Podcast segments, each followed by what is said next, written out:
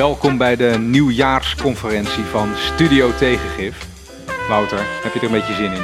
Onwijs, ja. Uh, dit, uh, ik kon niet wachten. We hebben zo'n glaasje panje erbij, lekker, gezellig. Ja, proost, ja. Proost. Jan Champagne. Proost, jongens. Proost. Ja. Moet, je, een klinkend glas horen? Oh ja, hier. Ja. Oh, man, Ik denk dat mensen wat horen. Ja. Ja, precies. We zitten ook echt op anderhalf meter, want ik moet mijn arm helemaal uitstrekken. Dan ja, ik sloeg net, precies. Ik, ik spierpijn van het proosten. Ik sloeg met mijn pen tegen mijn glas aan. Zo, zo proosten eenzame mensen. precies.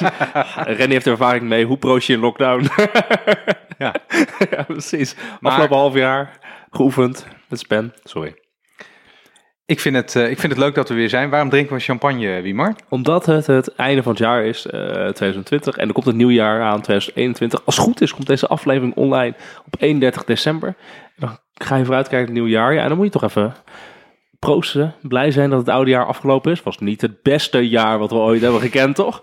En dat er komend jaar een heel mooi nieuw jaar aankomt. Een beetje happy jaar. Maar daar mogen we het niet over hebben, volgens je, van Randy. Nou, nou voor de luisteraar het onderwerp van deze uitzending dreigde even te worden dat we allemaal positieve punten bij 2020 uh, zochten.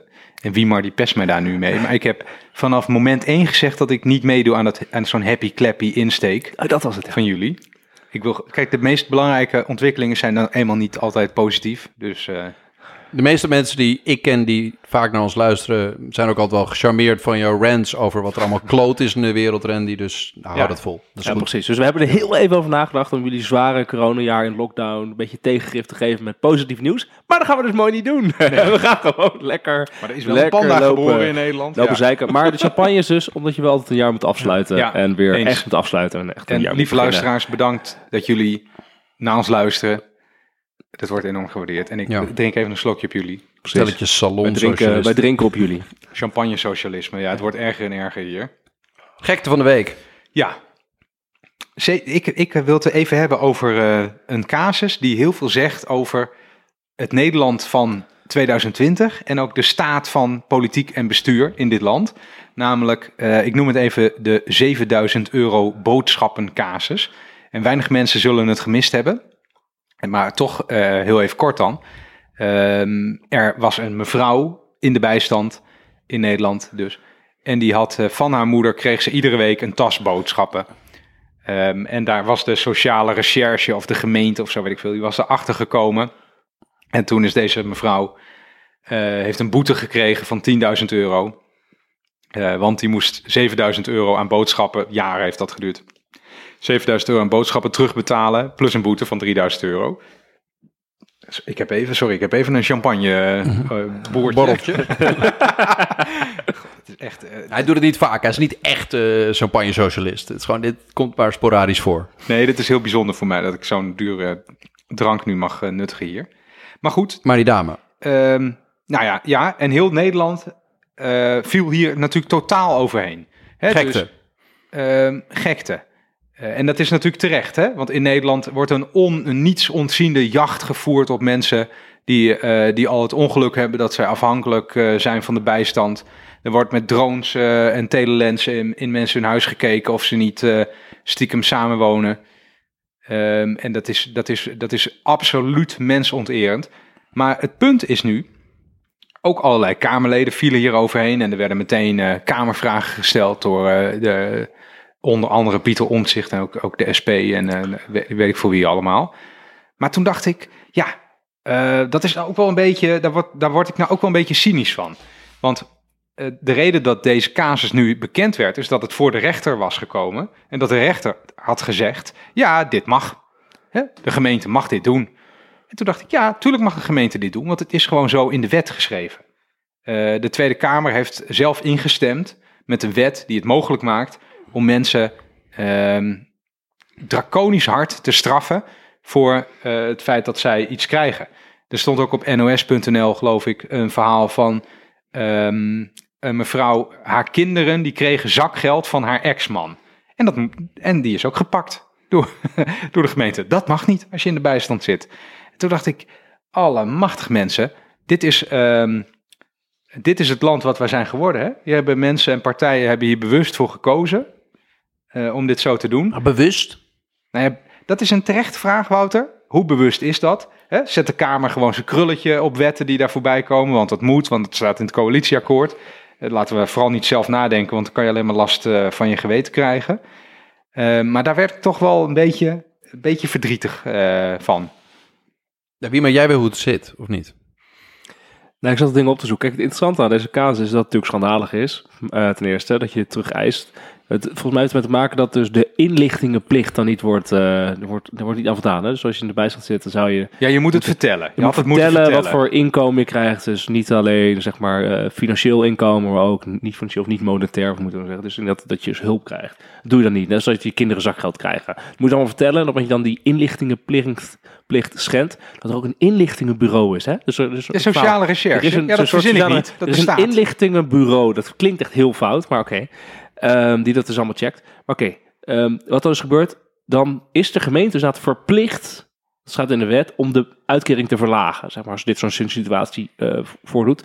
Maar het college kan ook altijd kijken naar persoonlijke omstandigheden en de persoonlijke leefsituatie en afwijken van die verplichting om eh, zo een verlaging toe te passen. En dat is Ja. ook precies wat hier gaat gebeuren. Hè? Dus die, die, Ja, die nu, wethouder nu. van uit dit, uit dit bijzondere dorp, volgens mij, waar dit was toegepast, Die Weidemeren, is ook niet gek. die eh, heeft eh, op de radio gezegd, oh, we gaan deze casus opnieuw bekijken. En dat is natuurlijk het interessante hier, dat de gemeente was niet verplicht om dit te doen. Of tenminste, de gemeente was verplicht om het te doen, maar kon ook afwijken, maar heeft gekozen om dat niet te doen. Nee. En heeft dus, nou, is dus naar de rechter gestapt met, staan we in ons recht? En de rechter heeft gezegd, en dat is ook begrijpelijk, je staat in je recht. En overigens wat je zegt klopt niet. Het is niet zo dat dit... eh, eh, dit bekend is geworden in Nederland doordat de uitspraak van de rechter was geweest. Want dan was dat namelijk al veel eerder, die uitspraak van de rechter. Maar is omdat die online op een, een of ander forum nog een keer werd uitgelegd. Ja, schuldinfo.nu. schuldinfo.nl. Waarom is en dat dan nu is er een opeens mediastorm. Ophef. Ja, omdat Gekte. het heeft te maken met die kinderopvangtoeslagaffaire. Dat er ook geen menselijke maat meer is en geen rekening wordt gehouden met persoonlijke omstandigheden. En de rukzichtloos dingen worden toegepast. Nou, dat gevoel is hier natuurlijk ook. Dat is het precies.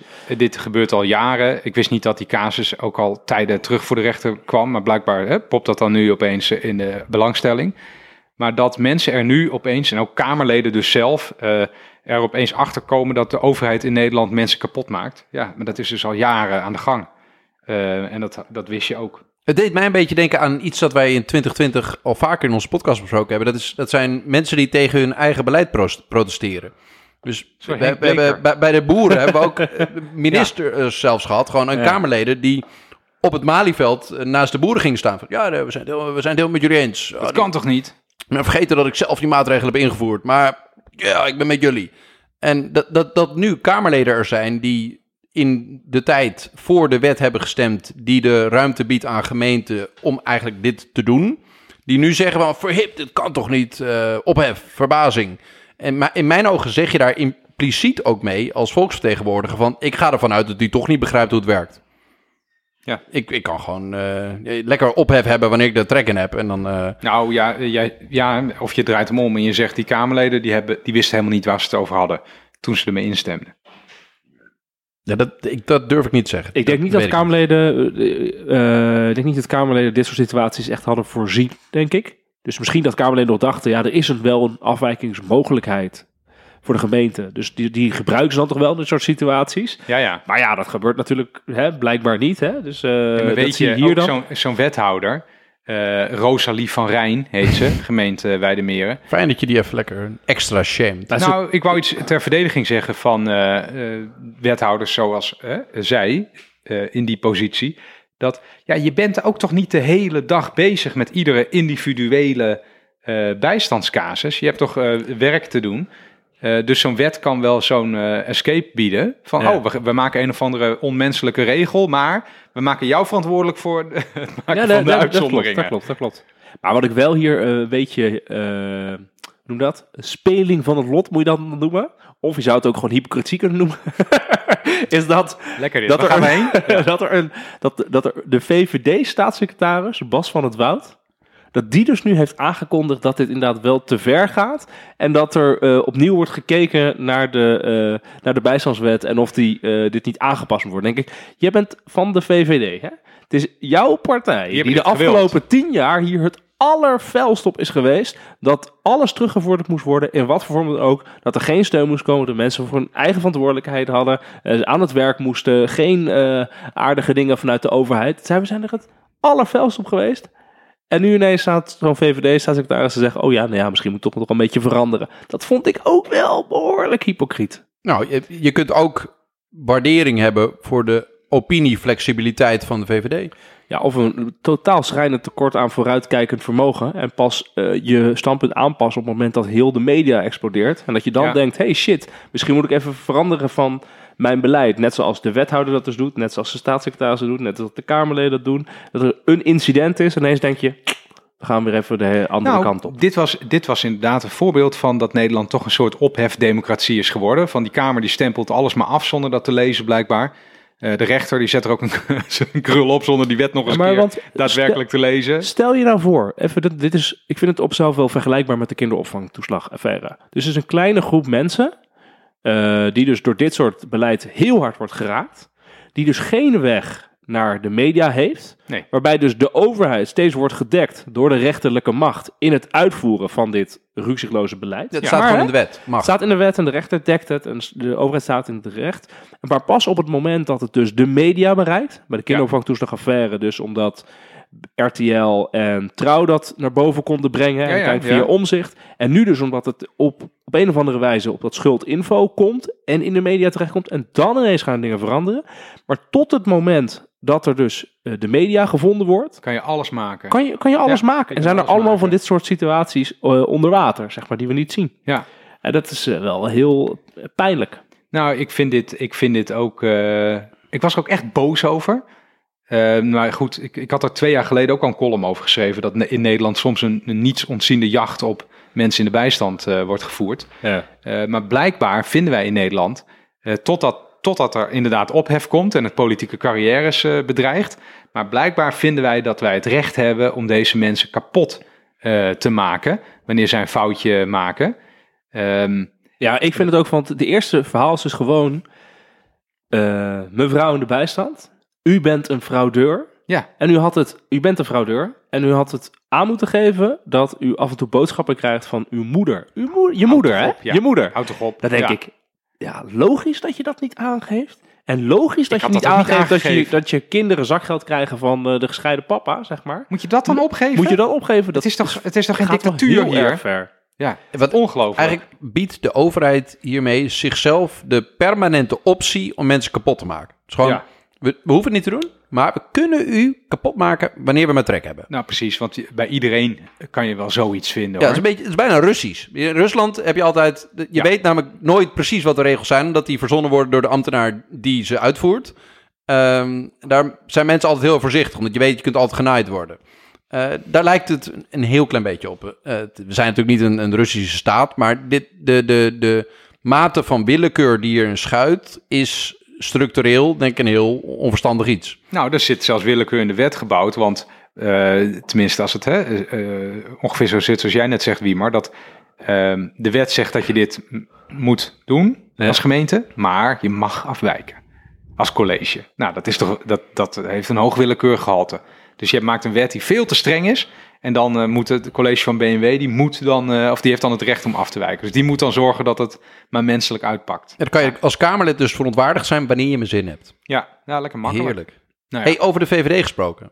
ja, Ehm, vorige podcast, Randy, heb jij benoemd dat jij eh, zeer gecharmeerd hebt. Ik kreeg trouwens commentaar van mensen die ons geluisterd hadden... dat wij een soort van progressieve VVD-fanboys waren. En sommige wat eh linkse mensen waren daar minder van gecharmeerd. Maar nou, dat, dat, eh, vind ik echt moeten ze lekker zelf weten. Kijk, ik ben gewoon een fan van competentie en van sterke organisaties. Eh, want voor de luisteraar, we hadden het over dat eh, de VVD als politieke partij eh, een goede performance neerzet. Eh, maar toen heb ik inderdaad gezegd dat ik me erin zou verdiepen. Je wil stage gaan lopen, toch? Dat zei je. Ja, nou dat is een beetje lastig nu, eh, in, corona, in coronatijd. Maar wat ik wel heb gedaan, ik heb een, eh, eh, niet nader te noemen, insider bij de VVD bereid gevonden om even uitgebreid met mij eh, eh, te spreken over hoe alles eh, werkt daarbinnen. En ik moet zeggen, Was je onder de indruk? ik ben behoorlijk onder de indruk. Ja, Ja? want binnen linkse politieke kringen wordt de VVD altijd een beetje neergezet als, nou, na Rutte komt niks en als Rutte stopt, dan stort het in. En ze hebben van die domme festivals en het gaat nooit over de inhoud. Ik had altijd al wel een beetje het gevoel dat dat misschien een beetje onzin was. Maar nu ehm, ben ik ook beter geïnformeerd. Ja, en ik, ik was behoorlijk eh, onder de indruk. Dus eh, eh, een aantal dingen die mij echt opvielen. Kijk, ze hebben daar een strakke organisatie staan. En deels komt dat ook omdat je met meer zetels meer geld hebt en meer dingen kan doen. Maar zij slaagt er ook beter in om bepaalde dingen structureel neer te zetten. En wat mij vooral heel erg opviel is dat de VVD als partij innerlijk een veel grotere coherentie heeft dan eh, bijvoorbeeld de Partij van de Arbeid. hè, Hoe ik je? Wat is dat? ben. Ik vind het een beetje een moeilijke Nou, ze term. hebben dan Innerlijke coherentie. Ja, dat klinkt een beetje wazig, maar ze hebben bijvoorbeeld iets als een bestuurderscongres. Ehm, en dat is dan een, een eh, weekend in een hotel, zo moet je dat voor je zien. Met eh, raadsleden, ministers, burgemeesters, Rutte, alles. Iedereen met een functie, die is daar dan. En dan nou ja, spreken ze in rondes met elkaar over, over de politiek. Ehm, dus je wisselt ongelooflijk veel kennis uit. En nou heb je natuurlijk bij alle partijen heb je wel clubjes van raadsleden of, hè, of, eh, de fractiedag. Eh, maar zo dat het helemaal dwars door die partij van boven tot onder eh, gaat. Nou, dat vond ik wel stimulerend. Ehm, en bijvoorbeeld die festivals, hè, die VVD-festivals, die in linkse kringen dus altijd worden weggezet als een soort klapfestijn zonder inhoud. Ehm, dat, dat zijn in werkelijkheid zijn dat meer wel inhoudelijke discussiedagen, maar dan zonder moties en amendementen en besluitvorming. Eh, dus ik denk dat dat ook heel goed is, want waar linkse partijen vaak door gegijzeld worden, is dat op congressen eh, heb je duizend moties en duizend amendementen eh, liggen. Altijd een beetje door, niet, niet, niet per se, niet met veel kwaliteit. Ehm, en daardoor kan je ook nooit een vrije discussie hebben of een nuttige discussie, want je moet eerst nog duizend amendementen behandelen. En dan heb je allemaal, allemaal, allemaal hoe zeg je dat? Nou, ik Een beetje een festival van het niet functioneren van het apparaat. ja, ja, en dan krijg je ook toch de, de, verkeerde, de verkeerde mensen aan het woord, eh, wellicht. En ik had ook het gevoel dat bij de VVD veel, eh, dat er toch wel, ze hebben heel veel integriteitsproblemen gehad natuurlijk, maar dat, er- dat er heel zorgvuldig ehm, wordt geselecteerd nu inmiddels, waarbij je ook, ja, ze hadden, wat, ze hadden wat spreekwoorden, ik weet niet of ik het helemaal goed heb onthouden, maar dat je een gaatje moet prikken in je ponskaart, dat, je, dat bedoelen ze, eh, je moet eh, bepaalde dingen ook gedaan hebben, voordat je dan Ja, verder kan. Dus hè, je moet wel eerst even in de gemeenteraad voordat je. eh, Het is niet zoals bij, bij, bij bepaalde criminele organisaties dat je ook wat foute dingen gedaan moet worden omdat je dan allemaal wat fouts gedaan hebt. de omerta. Nee, nee, nee. nee. Zou noemen dat ook nog? Ja, je moet je visvet mesten. Zoiets. Oh. Of zo. ervaring. Maar Reddy, ik vind het Ja. goed dat je jezelf openstelt en naar andere partijen gaat kijken om er wat van te leren. Dat is Ja. eh, sowieso al een enorme stap. Dus eh, zeg maar, het, eh, ik vind het een beetje de, de goedkoop, de mensen die... Ik snap de, de feedback, zeg maar. Maar ik vind het, eh, ik denk dat je er ook naar kan kijken. Want het is heel goed dat je probeert te leren van andere organisaties die het goed doen. In plaats van in je eigen links-progressieve bubbel een beetje naar elkaar zitten te kijken en te vertellen hoe goed we het eigenlijk al doen. Terwijl je op, eh, nou ja, hoeveel eh, zetels heeft links nu bij elkaar? 32. 32 opgeteld. ongeveer in de peilingen. Dan kan je niet met droge ogen volhouden dat je het goed doet. Dan doe je namelijk niet goed. Dus dat betekent dat je naar buiten moet kijken en moet leren. Dus ik vind dat alleen En ik ga ook niet gebeurt. alleen bij de VVD eh, kijken, overigens. Ik eh, heb ook al geprobeerd een lijntje uit te zetten bij D66 en het CDA. En dat is even om te beginnen. Ehm, en ik denk ook dat ik een soort. Moet even kijken wat de goede vorm is. Maar wat ik dan leer, wil ik in een soort discussiestukje opschrijven. Eh, en daar ook gewoon eens mee rondgaan in. eh Dan gaan we hier bespreken. Ja, nou, ik- wij helpen wel we mee. Wij helpen mee. Ja, we gaan, Gaan we doen. Ja, We mo- mogen- moeten een beetje tegengif bieden ook op, eh, op het schrift, als het ware. Ja, nou, dat wordt, dat wordt een terugkerend rubriekje dan. eh, voel ik al aan. Ja. Ja, tegengif tegen de incompetenties van politieke apparaten. Ja, even veel een mensen op mooi. Randy's stage elke dag, of elke Ja, aflevering. Randy, we kunnen wel een rubriekje De doen. Randy Randy. loopt stage. Je bent nooit uitgeleerd. De reis van Randy. Ja, Ja, de reis. Nee, maar Randy loopt stage vind ik wel lekker. Ja, dat klopt. Randy loopt dat is stage. ietsje meer zo naar beneden drukken. Dat Ja, vind ik ja, wel- af en toe. Dan moet je ook koffie halen af en toe. Dat zie, je altijd, dat zie je altijd in groepen mannen, dat je altijd een beetje naar beneden wordt getrapt. Hè, als je even Ja, iets, heel, iets heel doet. vervelend. Ja. hey, eh, het hoofdonderwerp. De nieuwjaarsconferentie. Ja. Ja, Moet ook grappig zijn, hè? oh, Ja, ik heb, heb ik niet geen rekening mee gehouden. Ja. Nee, daar heb ik geen rekening Oh mee man, nou, ik, ben, hoop dat Wouter een grap heeft voorbereid had. Ah, moppen. Oh, oké. Nee, Nou ja, jij mag ook beginnen, dus eh, Ja. je zet jezelf heel gevaarlijk eh, voor het blok eh, nu. Maar Wouter? nee, we hadden bedacht van iedereen maakt gewoon een lijstje. En dat eh wandelen af. En ik dacht eens na van wat is mij in 2020 nou bijgebleven van moment, publieke momenten waar ik eh, echt lang bij stilgestaan had. En het- ik, maar ik ben een onwijs eh, neurotisch georganiseerd mens, dus ik heb notities van alles en allemaal mapjes van dingen. En ik had zowel in mijn mapje van belangrijke nieuwsberichten als bij mijn notities per dag Heb jij een mapje met belangrijke nieuwsberichten? ja, ik heb zo'n mapje van de- allemaal screenshots die ik maak. Eh, gewoon van dingen die... Ja, ik maak gewoon, als ik een nieuwsbericht zeg wat ik interessant maak, ik een screenshot en dat sla ik in een mapje op. Hoe lang nemen we nou een podcast op? Dit leren wij net, hè, van Ja. Wouter. Je bent gewoon een soort gekke oude bejaarde met allemaal krantenknipsels, maar Ja. dan eh, digitaal. En je notities per Ja, dag. dat is, ja, dat is Shift Control 4 bij een MacBook. En dan kan je gewoon... Shift Command 4. En dan kan je een screenshot maken. Het kost ongeveer 0,1 milliseconde. En wat Eh. doe je dan later met die screenshots? Meestal nooit naar kijken, maar nu deed ik het eventjes voor deze aflevering. Maak je, maak je noti- notities per dag? Ook dagelijks ja. Je, nee, notities? je, je kunt gewoon in Apple Notes opzoeken op wat je op een dag hebt genoteerd. En dan kun je daarna teruglezen wat Oh. je allemaal per dag hebt dacht, ik genoteerd. dacht dat je zei dat je een soort dagboek bijhield. Nee, dat valt mee. Nee, Oké. Sorry, maar ga door. Ja. ik Probeer, jullie proberen de grappen te maken. Nee, ga, ga door met je belachelijke nee, verhaal. nee, nee, probeer gewoon een inkijkje te geven in het eh, het leven ge- van... de eh, geest. eh, Randy loopt stage, maar- maar die inkijkje in Wouter's no- neurotische planningsleven. Ja. Ik denk dat ik gewoon mijn mond hou de rest van... ja. Oh nee, ik heb, ik heb een kerstboom van 55 euro. Oeh, daar, daar zouden we het niet meer over hebben. Nee, ik, ik kwam terug bij 16 maart eh 2020. was het begin van de eerste lockdown-periode. En eh, toen heb ik een screenshot gemaakt van een eh teletextbericht van het overzicht van de vitale beroepen in Nederland. Daar stond jij niet tussen, Ehm, wel? ik als ben, een tijdje ben ik vitaal geweest, maar dat was, Oh. dat was heel kort.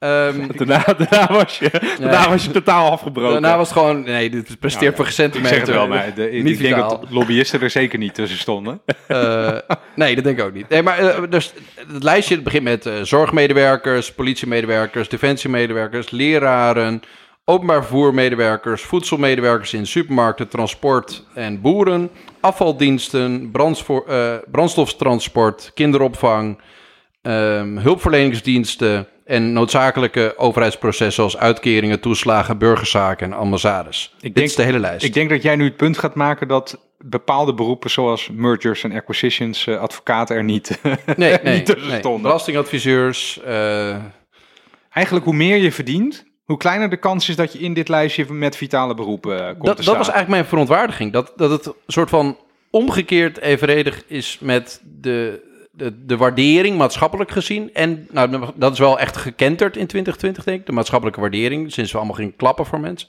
Maar ook de, de, de hoeveelheid salaris die mensen ontvangen. Dit zijn allemaal beroepen die in de publieke of in de semi-publieke sector zitten. Waar mensen, als je van het HBO of de universiteit komt, niet direct denkt van, nou, dat, dat is echt het, eh, het gaafste, want dan, eh, dan, dan ga ik al mijn dromen kunnen waarmaken fi- financieel. Dit zijn financieel niet aanlokkelijke dingen om te gaan doen in je leven. Ehm, en Nee. daar hebben we schijnbaar posities van gemaakt die wel ons land draaiende houden. En voor mij was het heel tekenend dat deze beroepen en mensen die de boel dus schijnbaar draaiende houden, die de vitale dingen doen in de maatschappij, dat die ehm, ondergemiddeld of in ieder geval niet eh, goed genoeg beloond worden in de vorm van eh, salaris. En dat we dat eigenlijk ook structureel al niet doen. Ehm, dat vond ik wel een, ja, een, een, een tekenend ding van 2020. eh, Dat eh, we, er, ja, we er keihard mee op, met ons neus op de feiten worden gedrukt. Dat de mensen die de dingen doen die in ons land schijnbaar vitaal of cruciaal zijn, Mhm. dat we die eh, niet belonen op een manier die het woord cruciaal een beetje recht doen. Nou, ik, ik had hetzelfde gevoel een beetje bij 2020. Dat met name die coronacrisis heeft laten zien dat de lusten en de lasten, die zijn echt bepaald niet gelijk verdeeld in Nederland. En ik had dat, ook, ik had dat gevoel ook een beetje met, heel random misschien, ander voorbeeld wat hetzelfde punt eh, volgens mij maakt. Dat eh, er een dringende oproep wordt gedaan om niet op vakantie te gaan. En sommige mensen die gaan dan toch gewoon lekker skiën in Dubai en eh, don't care. En die, doen alles waar ze zin in hebben. En anderen die moeten dan extra thuis blijven om dat goed te maken. Want uiteindelijk hè, is het idee van thuis blijven zodat dat virus zich niet verspreidt. En dat heeft een beetje hiermee, dat zijn vermoedelijk dezelfde mensen, laat ik het zo zeggen. Ja, dus dat je jezelf die vrijheid wel toekent. Nou, ik, ik, ik vond het. eh, en ik had ook wel mensen in mijn omgeving die dan. eh, nou, wel thuis moesten blijven en niet vitaal waren, die eigenlijk heel verontwaardigd waren van ja, maar ik ben toch heel belangrijk. Nee, nee, het is helemaal niet zo heel erg nodig dat er een, weet ik veel, eh, senior media consultant in executive marketing is. Dat is niet zo belangrijk. Jij verdient misschien wel 2,5 ton, maar dat is eerder een maatschappelijke weeffout dan dat het jouw waarde is. Ehm, ja, dat, dat was voor mij wel een eh, dingetje in 2020. Het mooie hiervan is natuurlijk wel dat blijkbaar cruciale beroepen eh, of functies, dat die blijkbaar vervuld worden door mensen die dat doen omdat ze dat cruciale beroep zo interessant vinden. En niet zo enorm, blijkbaar, enorm veel hechten aan het geld. Dat is het allerergste. Mensen die dan Dus de mensen die echt maatschappelijk dingen belangrijk vinden, die Ja, ja. denken van ik wil Ja. cruciale functies voor de samenleving, dus eigenlijk niet voor de economie, maar voor de samenleving vervullen, dat die dat eigenlijk doen uit een soort eh, nou, publieke sector moraal, dat wordt dat volgens mij in de bestuurskunde genoemd, en daardoor ook genoegen nemen met minder financiële vergoeding. Dat is aan de ene kant is het ook wel heel erg mooi. Aan de andere kant ook wel heel erg eh, na- vervelend, want je betekent dus dat de rest een beetje kan freeriden op, eh, op die onderbetaalde publieke sector. Ja, dat zeggen die financial accountants Dat is wat er nu gaat Excel gebeuren. sheets doen dan. Die Ja. zeggen, ja, maar jij hebt toch al heel eh, nuttig werk en heel, je bent maatschappelijk heel relevant. Dat is ook een beloning in beloning. zichzelf. Ja, en Ja. dat ik dan eh 40 uur per week naar Excel sheets kijk, ja, dat is heel rot en irrelevant. En, en in deze crisis is het natuurlijk nog erger geworden. Want het is natuurlijk wel pijnlijk dat er mensen, een heel hoeveelheid mensen van het eh, beroep, wat je, van het lijstje wat je net voorleest, zijn natuurlijk mensen met lage, lagere beloningen, gemiddeld zeg maar. Maar die ook nog een keer fysieke beroepen doen.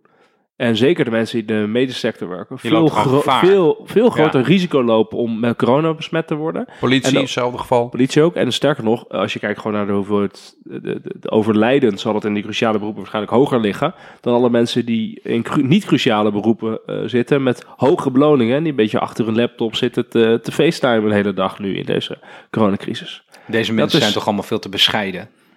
En Ehm. het erge is nog dat, ehm, dat als je.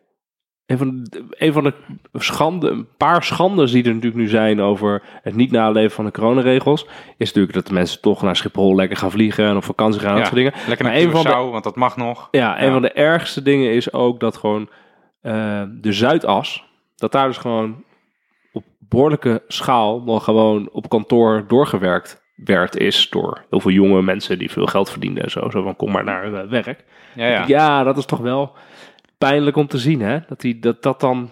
Nou, ik, ik hoor ook wel andere verhalen, maar dat, Welke verhalen dat, dat veel advocatenkantoren en consultancies juist nog strenger zijn, ehm, omdat zij totaal niet het risico willen lopen, omdat mensen die per uur betaald worden, zoals in de consultancy en advocatuur zo is, eh, dat zijn gewoon hun enige assets. En die- daar willen ze geen risico mee lopen. En Oké, of je nou is goed om te, goed thuis. Excel sheets invult of eh, ergens anders, dat het maakt zich geen bal uit. Nee, dat is goed te horen. Ik heb juist weer andere verhalen gehoord, maar ik heb gelijk. Ik heb, gelijk, ik heb geen sluitend bewijs, maar eh, mensen die eh, in ieder geval bij een organisatie op de Zuidas werken, ehm, of mensen kennen die daar werken, gewoon zeggen, ja, hier wordt nog wel doorgewerkt s'avonds, fysiek met elkaar op Ja, kantoor. ja. ja. Wel interessant, want dat zou dus inderdaad niet hoeven. Dus, oké, laten we Mhm. dat het dan, eh, laten we zeggen dat het dan een gerucht is en dat ik het niet hard kan maken. Ik ga uit van het goede van de mensen, het is het jaar afsluiting. Als ik hem dan positief mag maken, Randy. Ik, ik denk dat er in 2021 weinig maatschappelijke weerstand zal zijn tegen het verhogen van de beloningen in sommige sectoren. Ik denk zorg, politie, leraren. Wel, Dat- is wel weerstand. Weerstand, ja? Ja. Oké, nou dan... De dat is- politiek. dat- Budgetair. ja, ja, budgetair. Gewoon ja, ja. Is het, is het eh, probleem ook niet eh, in ieder geval deels ook andersom? Dat er, er veel te ho- hoge beloningen worden gegeven aan de bovenkant. eh, Ja, van dat is dus ik, kijk, wat ik dus ehm, een beetje pijnlijk vind, is dat dus die 7000 euro waar je moeilijk over gaat lopen doen bij zo'n Van die bijstandsontvanger, boodschappen, ja. die boodschappen, dat er daar dus allemaal gedoe over ontstaat, dat er moet ingevorderd worden en ellende, maar dat er vervolgens, jij vertelde net het verhaal over de topman van KLM, die natuurlijk nu wel even in de problemen zit, die nog eh, een bonusje meekrijgt van waarschijnlijk meer dan 7000 Die kreeg euro. gewoon een bonus Doe- van tonnen. Dat bedrijf Ja. is gewoon helemaal failliet. Maar dat is natuurlijk kapot. interessant dat en de, de, zeg maar de top van het bedrijfsleven, dat daar niet even wordt nagedacht. Nou, gaan we eens even heel goed kunnen evalueren of deze nou, 10.000 of 100.000 of 200.000 of half miljoen of een miljoen aan aandelen of whatever. of dat nog... eh, dat, dat, dat, maar het is ook helemaal niet rationeel meer. Dat heeft ook helemaal geen link meer met, met de echte performance van zo'n bedrijf. Dat is Nee, maar het is wel natuurlijk heel duidelijk meten met twee maten. Dus aan de onderkant. Ja, dat, dat, is, dat, dat heeft 2020 nou wel laten zien, Ja. vind ik. Dat Nederland toch langzaam een beetje toebeweegt naar, of is veranderd in, kan je ook wel zeggen, naar een soort klassensamenleving. Waarbij als je eh, onderin zit en je hebt kinderopvangtoeslag of je hebt bijstand, nou dan, kunnen we, dan trappen we je even lekker kapot als je één klein foutje maakt. Eh, en dan moet je ook negatief geprikkeld worden, hè? Om, Ja. zodat je dan gaat deugen, zodat je dan een baan gaat zoeken, want je bent Ja. lui. Maar als je bovenin zit, dan, moet je een bonus krijgen. positief geprikkeld worden. Ja, maar dat is misschien even als, als wel leuk. Dus je hebt inderdaad een discussie over eh, wat ze dat noemen witte borden criminaliteit en blauwe Ja. borden criminaliteit. Hè? Dus de witte borden over eh, fraude, financiële gedoe, dat soort zaken. Ja. Ehm, er is altijd heel duidelijk dat dat minder, ehm, ehm, minder heftig wordt. Daar kan je met schikkingen en zo onderuit komen en dat Mhm. soort zaken. En oké, dus daar heb je nog wel reden om een beetje goed weg, mogelijkheden om een beetje goed weg te komen. Maar eh, de blauwe bord, dus in de zin van, oké, we gaan eh, eh, de, diefstallen, eh, auto-inbraken. Dat is- als je gepakt wordt, is er, kan je niet even onderhandelen. Hè? Dat, is gewoon, dat is gewoon, je gaat betalen, en heftig ook. Hetzelfde natuurlijk met inderdaad, dus die prikkels liggen wel anders. Twee maten zijn er duidelijk. De andere zit inderdaad Mhm. met, hoe wil je eh, mensen prikkelen? Dus mensen aan de onderkant, die dus inderdaad een uitkering hebben, vooral als je een uitkering hebt, die moet je eh, beboeten. Dus het moet een negatieve prikkel zijn toch maar aan het werk te gaan, eh, zoveel mogelijk. Maar bovenin, ja, daar gaat, moet je eens bonussen geven. Dus dan moet je een positieve prikkel hebben. Je moet bonussen geven, want dan gaan topmensen gaan nog beter presteren. Mhm. En het derde wat dan natuurlijk... Is heel hard- Ja, nee, het, het is een goed verhaal. Ja, ik vind het leuk. Ja, je vindt dat, eh, ehm, ja, de derde eh, heeft natuurlijk gewoon te maken met de discussie over... eh, is het publiek geld of is het privaat geld? Dus als er iets met publiek geld is, dan moet vooral fraude bestreden worden. En dan mag het niet zomaar weggegeven worden. Eén grote Ja, ja. ellende. Ja. Maar als het privaat geld is, dan mag dat gewoon met bakken weggegeven worden zonder goede rationele verklaring. Want ja, het is privaat geld en blijkbaar ben je het waard in de markt. Dat zijn wel interessant, drie hele interessante bewegingen. Je hebt ook zo'n grapje wat, wat, wat steeds ook terugkomt op, eh, op het internet. Eh, dingen die eh classy zijn als je rijk bent, maar trashy als je arm bent. Ja. Mhm. Eh, dat zijn mooie dingen. Er staat ook day drinking. Having a lot of kids. Inbreeding, vond ik ook wel lollig. Trashy als je een redneck bent. Classy als je Van een koninklijke bent. familie Ja. bent. Ehm, gambling. Using drugs during the daytime. Maar dit, dit, nee, en, dit- eh, het, gaat, het gaat nog door. hou op, joh. Ehm, multiple cars on your property. en eh, last but not least staat er ook getting financial handouts from the government. ja, precies. Ja, twee maten. Twee maten. Ja. Eh, en volgens mij als je één, even heel fundamenteel weer, als je één succesfactor van westerse samenlevingen mag benoemen, is dat we heel rationeel eh, iedereen vanuit dezelfde beginselen beoordeelden. Maar als je kijkt naar de samenleving nu, dan worden mensen heel duidelijk langs twee meetlatten gelegd. En dat is uiteindelijk is het een recept voor eh, moreel verval en ellende. En volgens mij eh, hebben we dat in 2020 gezien. Dus wat minder happy clappy dan... eh, Ja, dat is ook wel interessant dat zeg maar, er is niemand die een enorm probleem maakt van eigenlijk een miljarden aan niet goed te rationaliseren subsidies vanuit bijvoorbeeld het ministerie van Economische Zaken aan bedrijven Ja. en aan allerlei commerciële activiteiten. ze, hadden ze, waarvan, ze hadden die toch beoordeeld? Dat ja, waarvan de rekenkamer zegt, dit is eigenlijk gewoon Allemaal shit. geen effectief geld. Eh, er is niet bewezen dat het tot echt tot nieuwe economische activiteit gaat. Maar toch worden er miljarden richting het bedrijfsleven ges- gesleuteld. Nu weer met de BIC natuurlijk, hè. De, de, wat is het? De, De bedrijfsinvestering. Eh, de bedrijfsinvesteringskorting. Zelfs de Raad van State 2 zei, miljard per jaar wordt gewoon wegge... Schrap het woord bedrijfsgerelateerd maar, want Ja. dat slaat nergens Het op. is gewoon een subsidie sloot richting het bedrijfsleven, want het bedrijfsleven is goed. Maar op het moment dat je dan 7000 euro te veel krijgt als bijstandsontvanger, Ja, ja, dan is het eh, gelijk één grote ellende, fraude en we zullen terugvorderen. Totdat er publieke ophef ontstaat. ja. Eh, nee, ja, dat is toch wel pijnlijk om te zien. Dat publiek geld richting bedrijven dus goed is en publiek geld richting arme mensen, dat moeten we even goed. eh, in We kwamen hier omdat, omdat we met jouw lijstje bezig Ja, waren. sorry, het waren- aan- Teletextberichtje van de vitale beroepen. Ja. Waar ik, eh, nou, dat, dat betekende voor mij heel veel en heel veel werd duidelijk dit jaar. Wat, wat heeft het met jou gedaan als je geen vitaal beroep hebt? Heb je nog een mentale schade aangehad of is het een hele suggestieve vraag? Eh, nee, ja, het- mijn beroep is eh, schrijven en praten en nadenken. En dat kon ik gewoon thuis doen. Er maakt geen bal uit waar ik zit. Dus eh, of ik vitaal of niet vitaal was, maakt niet zoveel uit.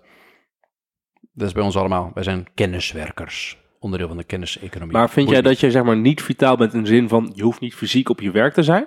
Of vind jij dat je in het algemeen eigenlijk geen vitaal... Nutteloos bent. ja, nutteloos werk Oh, nee, nee, nee. Onafhankelijk of op je werk bent of dat je thuis ik, ik, denk, ik, ben, ik ben ambtenaar en ik de- ik denk dat ik vrij relevant werk doe in onze maatschappij. Ik denk dat als je alle mensen op een rij zou zetten en dan zou ordenen op relevantie, dat ik aan de goede helft van de rij sta. Hey, we doen de evaluatie van Wouters nut voor de samenleving eh, doen we straks even. Ja. Heb jij nog andere punten op je lijst? Ik denk dat ik ook dichter bij relevantie sta dan jullie hoor. Maar Kijk, hij trapt Ja. toch even terug. Ja, even- ik ja. probeerde hem te beschermen, maar nu begint hij terug te trappen. andere dingen op mijn lijst van dit jaar. Ja. Eh, ja, ja, ja, ja. Want dat is eigenlijk wel gelinkt aan het vorige ding. Eh, Knap dat alles aan elkaar gelinkt is. De, de, de- we zijn natuurlijk een beetje aan het eind van het jaar gekomen en we hebben het hele jaar gebabbeld niet, over ja. eh, corona. En eerst was het van eh verrip, er is een pandemie, het wordt niks. Oh, kut, het wordt wel wat. Eh, oh, jemig, we moeten gaan mensen gaan testen, want het is heel erg besmettelijk. Hoe gaan we dat testen doen? We moeten teststraat invoeren, we moeten private testen doen. Oh, nee, nee, nee, we moeten publieke testen doen. Kut, er komen private testen aan, we moeten meer publieke testen hebben. Ehm, maar en toen verhip, er komen vaccins aan. Yes, vaccins, het komt goed. En nu was afgelopen week de rel. Nederland is het laatst met de vaccins. En toen werd er uitgebreid gediscussieerd in ons land over waarom zijn wij dan het laatst met goed vaccineren. En toen las ik twee commentaren van mensen die betrokken zijn geweest bij eh, het RIVM en vaccinaties in het verleden, bij andere pandemieën. Dus dat was eh, Herman van der Weijden, was de coördinator vaccinatie bij de pokkenpandemie. En Roel Coutinho oud-directeur van het RIVM. En die hadden hele stevige kritiek op de wijze waarop nu die, eh, het vaccinatieprogramma gecoördineerd wordt. En ik weet zelf niet heel veel van het vaccinatieprogramma, dus daar, daar gaat het me niet per se om. Maar waar het me wel om ging was wat- dat zij zeiden dat wat er een probleem is in de manier waarop Nederland nu dit aanpakt. En dat Nederland als land daar nou, niet het beste op staat, niet goed op staat in vergelijking met andere landen, is volgens hen dat er geen capaciteit, kennis en competentie meer zit bij de centrale organen die dit moeten coördineren. Ja. Dus ze hadden, eh, die, die Coutinho had echt kritiek op de wijze waarop alle mensen die bij vorige pandemieën betrokken waren, met de Mexicaanse griep en dat soort zaken, eh, dus eerder pandemieën, dat, dat vakkennis niet meer bestaat rondom eh, vaccinatiestrategieën, grootschalige logistieke operaties waar de centrale regie cruciaal is.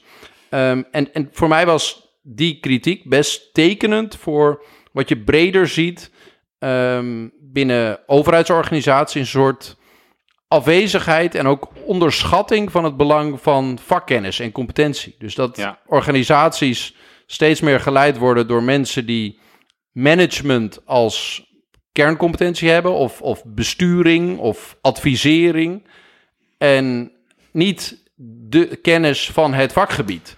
En dat, ik, dus ik vond eigenlijk die kritiek, die de mensen die, bij, die van buiten naar deze huidige pandemie kijken en hoe we dat als Nederland aanpakken.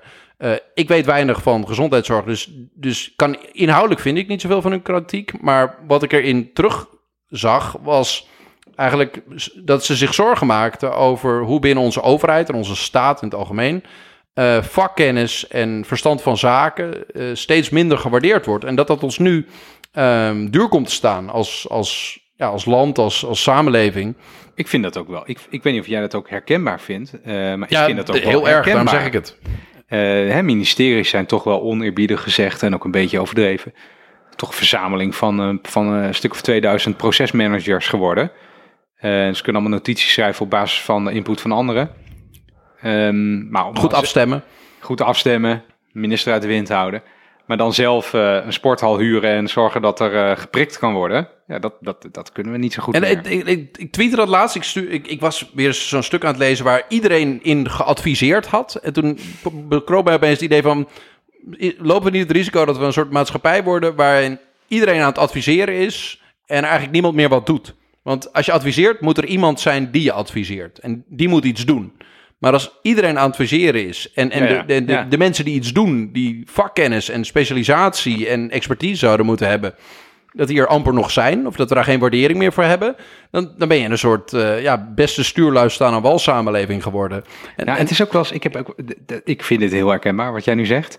Eh, en soms heb je ook wel eens notities hè, binnen, de, binnen een ministerie en dan daar staan bepaalde dingen in. En dan, dan vraag je wel eens van, eh, ik werk niet meer voor de overheid, hè, even duidelijk voor de, voor de luisteraar. Maar dan staat er iets in en dan, dan stel je de vraag van wie, eh, van wie is deze wijsheid? Hè? Wie heeft dit dan, wie heeft dan gezegd dat dit zo zit? En dan kom je eigenlijk bij een soort reeks van mensen die allemaal zeggen: ja, maar dat heb ik uit deze bron, heb ik uit deze bron, heb ik uit deze bron. En vaak kom je dan aan het einde, blijkt dat het er gewoon nergens op gebaseerd is. Of dat iemand heeft gezegd: ja, dat heb ik gegokt, dat dat, eh, dat, dat er 200 zijn, of weet ik veel. Hè? En ik, ik denk dus dat dit, dat, dat zou voor 2021 ook een soort eh, awakening mogen zijn. Dat we een soort van herwaardering voor de vakkennis mogen hebben. Ik moest toen denken aan, ehm, ik las laatst een heel lang stuk over de, de managementfilosofie van Apple. Ik zal proberen het kort te houden, want het zal weer niet heel lollig worden. Ehm, bij Apple hebben ze intern eh, de, het gedachtegoed dat het makkelijker is om een expert te leren managen dan om een manager het vakgebied van expert bij te brengen. Ja. Dus als jij heel goed bent in, weet ik veel, eh, IT-hardware... of je bent heel goed in eh, design of heel goed in marketing...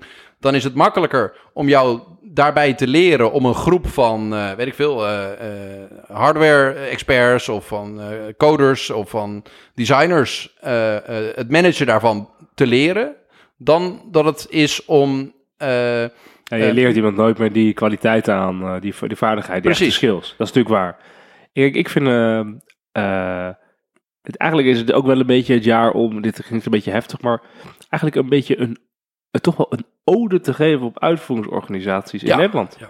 Als er één organisatie is, en ik hoop niet dat ik nu iets te kort doe, maar het UWV, wat hij dit jaar gedaan heeft aan Mhm. steunpakketten in elkaar zetten, uitvoeringsregelingen, uitkeren Ja. aan eh, bedrijven, zeg maar de, de loonkostensubsidies.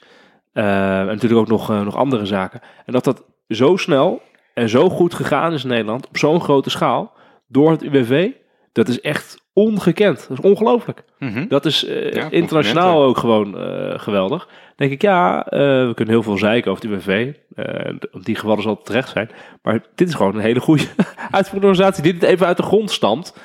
Ehm, dat is toch wel bijzonder. maar dat zijn ook kleine groepjes mensen, hoor. Het zijn kleine groepjes mensen, maar wel hele eh, goede mensen. Kijk, ik vind het opmerkelijk dat eh, zeg maar het eh, geld overgeven aan bedrijven die het nodig hebben. Dat gaat dus blijkbaar heel goed. Maar blijkbaar het uit de grond stampen van teststraten of vaccinatiestrategieën, dat is allemaal wel heel erg moeilijk. En volgens mij heeft dat er vooral mee te maken dat het UWV gewoon een uitvoeringsorganisatie is die de opdracht heeft vergeten- gekregen, fix dat. Ja. En bij de vaccinatiestraten en teststraten, dat soort shit, wordt gevraagd: kan het ministerie van VWS hier iets doen?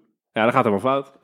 Want daar zitten allemaal, daar zitten allemaal procesmanagers, procesmanagers en notitieschrijvers. En beleid, dat soort dingen. En allemaal belangenorganisaties en iedereen wil erover meepraten. En vervolgens krijg je een soort eh, cirkelredenering van, eh, van adviseren en overleggen en praten met elkaar, die gewoon even een half jaar duurt. En uiteindelijk zijn alle landen al eh, van start gegaan. Nou, ik denk wat, wat misschien dan een gevolg ga- gaat zijn van de- dit inzicht, hè, wat heel veel mensen nu gewoon zien, eh, dat die beloningsverschillen die er zijn tussen uitvoeringsorganisaties en departementen, ministeries, eh, die zijn er namelijk. Hè. Mensen zitten Ja. gewoon letterlijk in lagere schalen, eh, krijgen dus minder betaald. Dat, dat, dat dat misschien wel gaat verdwijnen en dat er ook op, op in, in die uitvoeringsorganisaties plekken komen waar je ook carrière kan maken. Want als je nu Ja. carrière wil maken bij de overheid, Hè, in plaats van dat je bijvoorbeeld gewoon je werk goed wil doen of belangrijk werk wil doen. Ehm, ja, dan kun je beter op het ministerie zitten. Sterker nog, dan moet je op het ministerie zitten.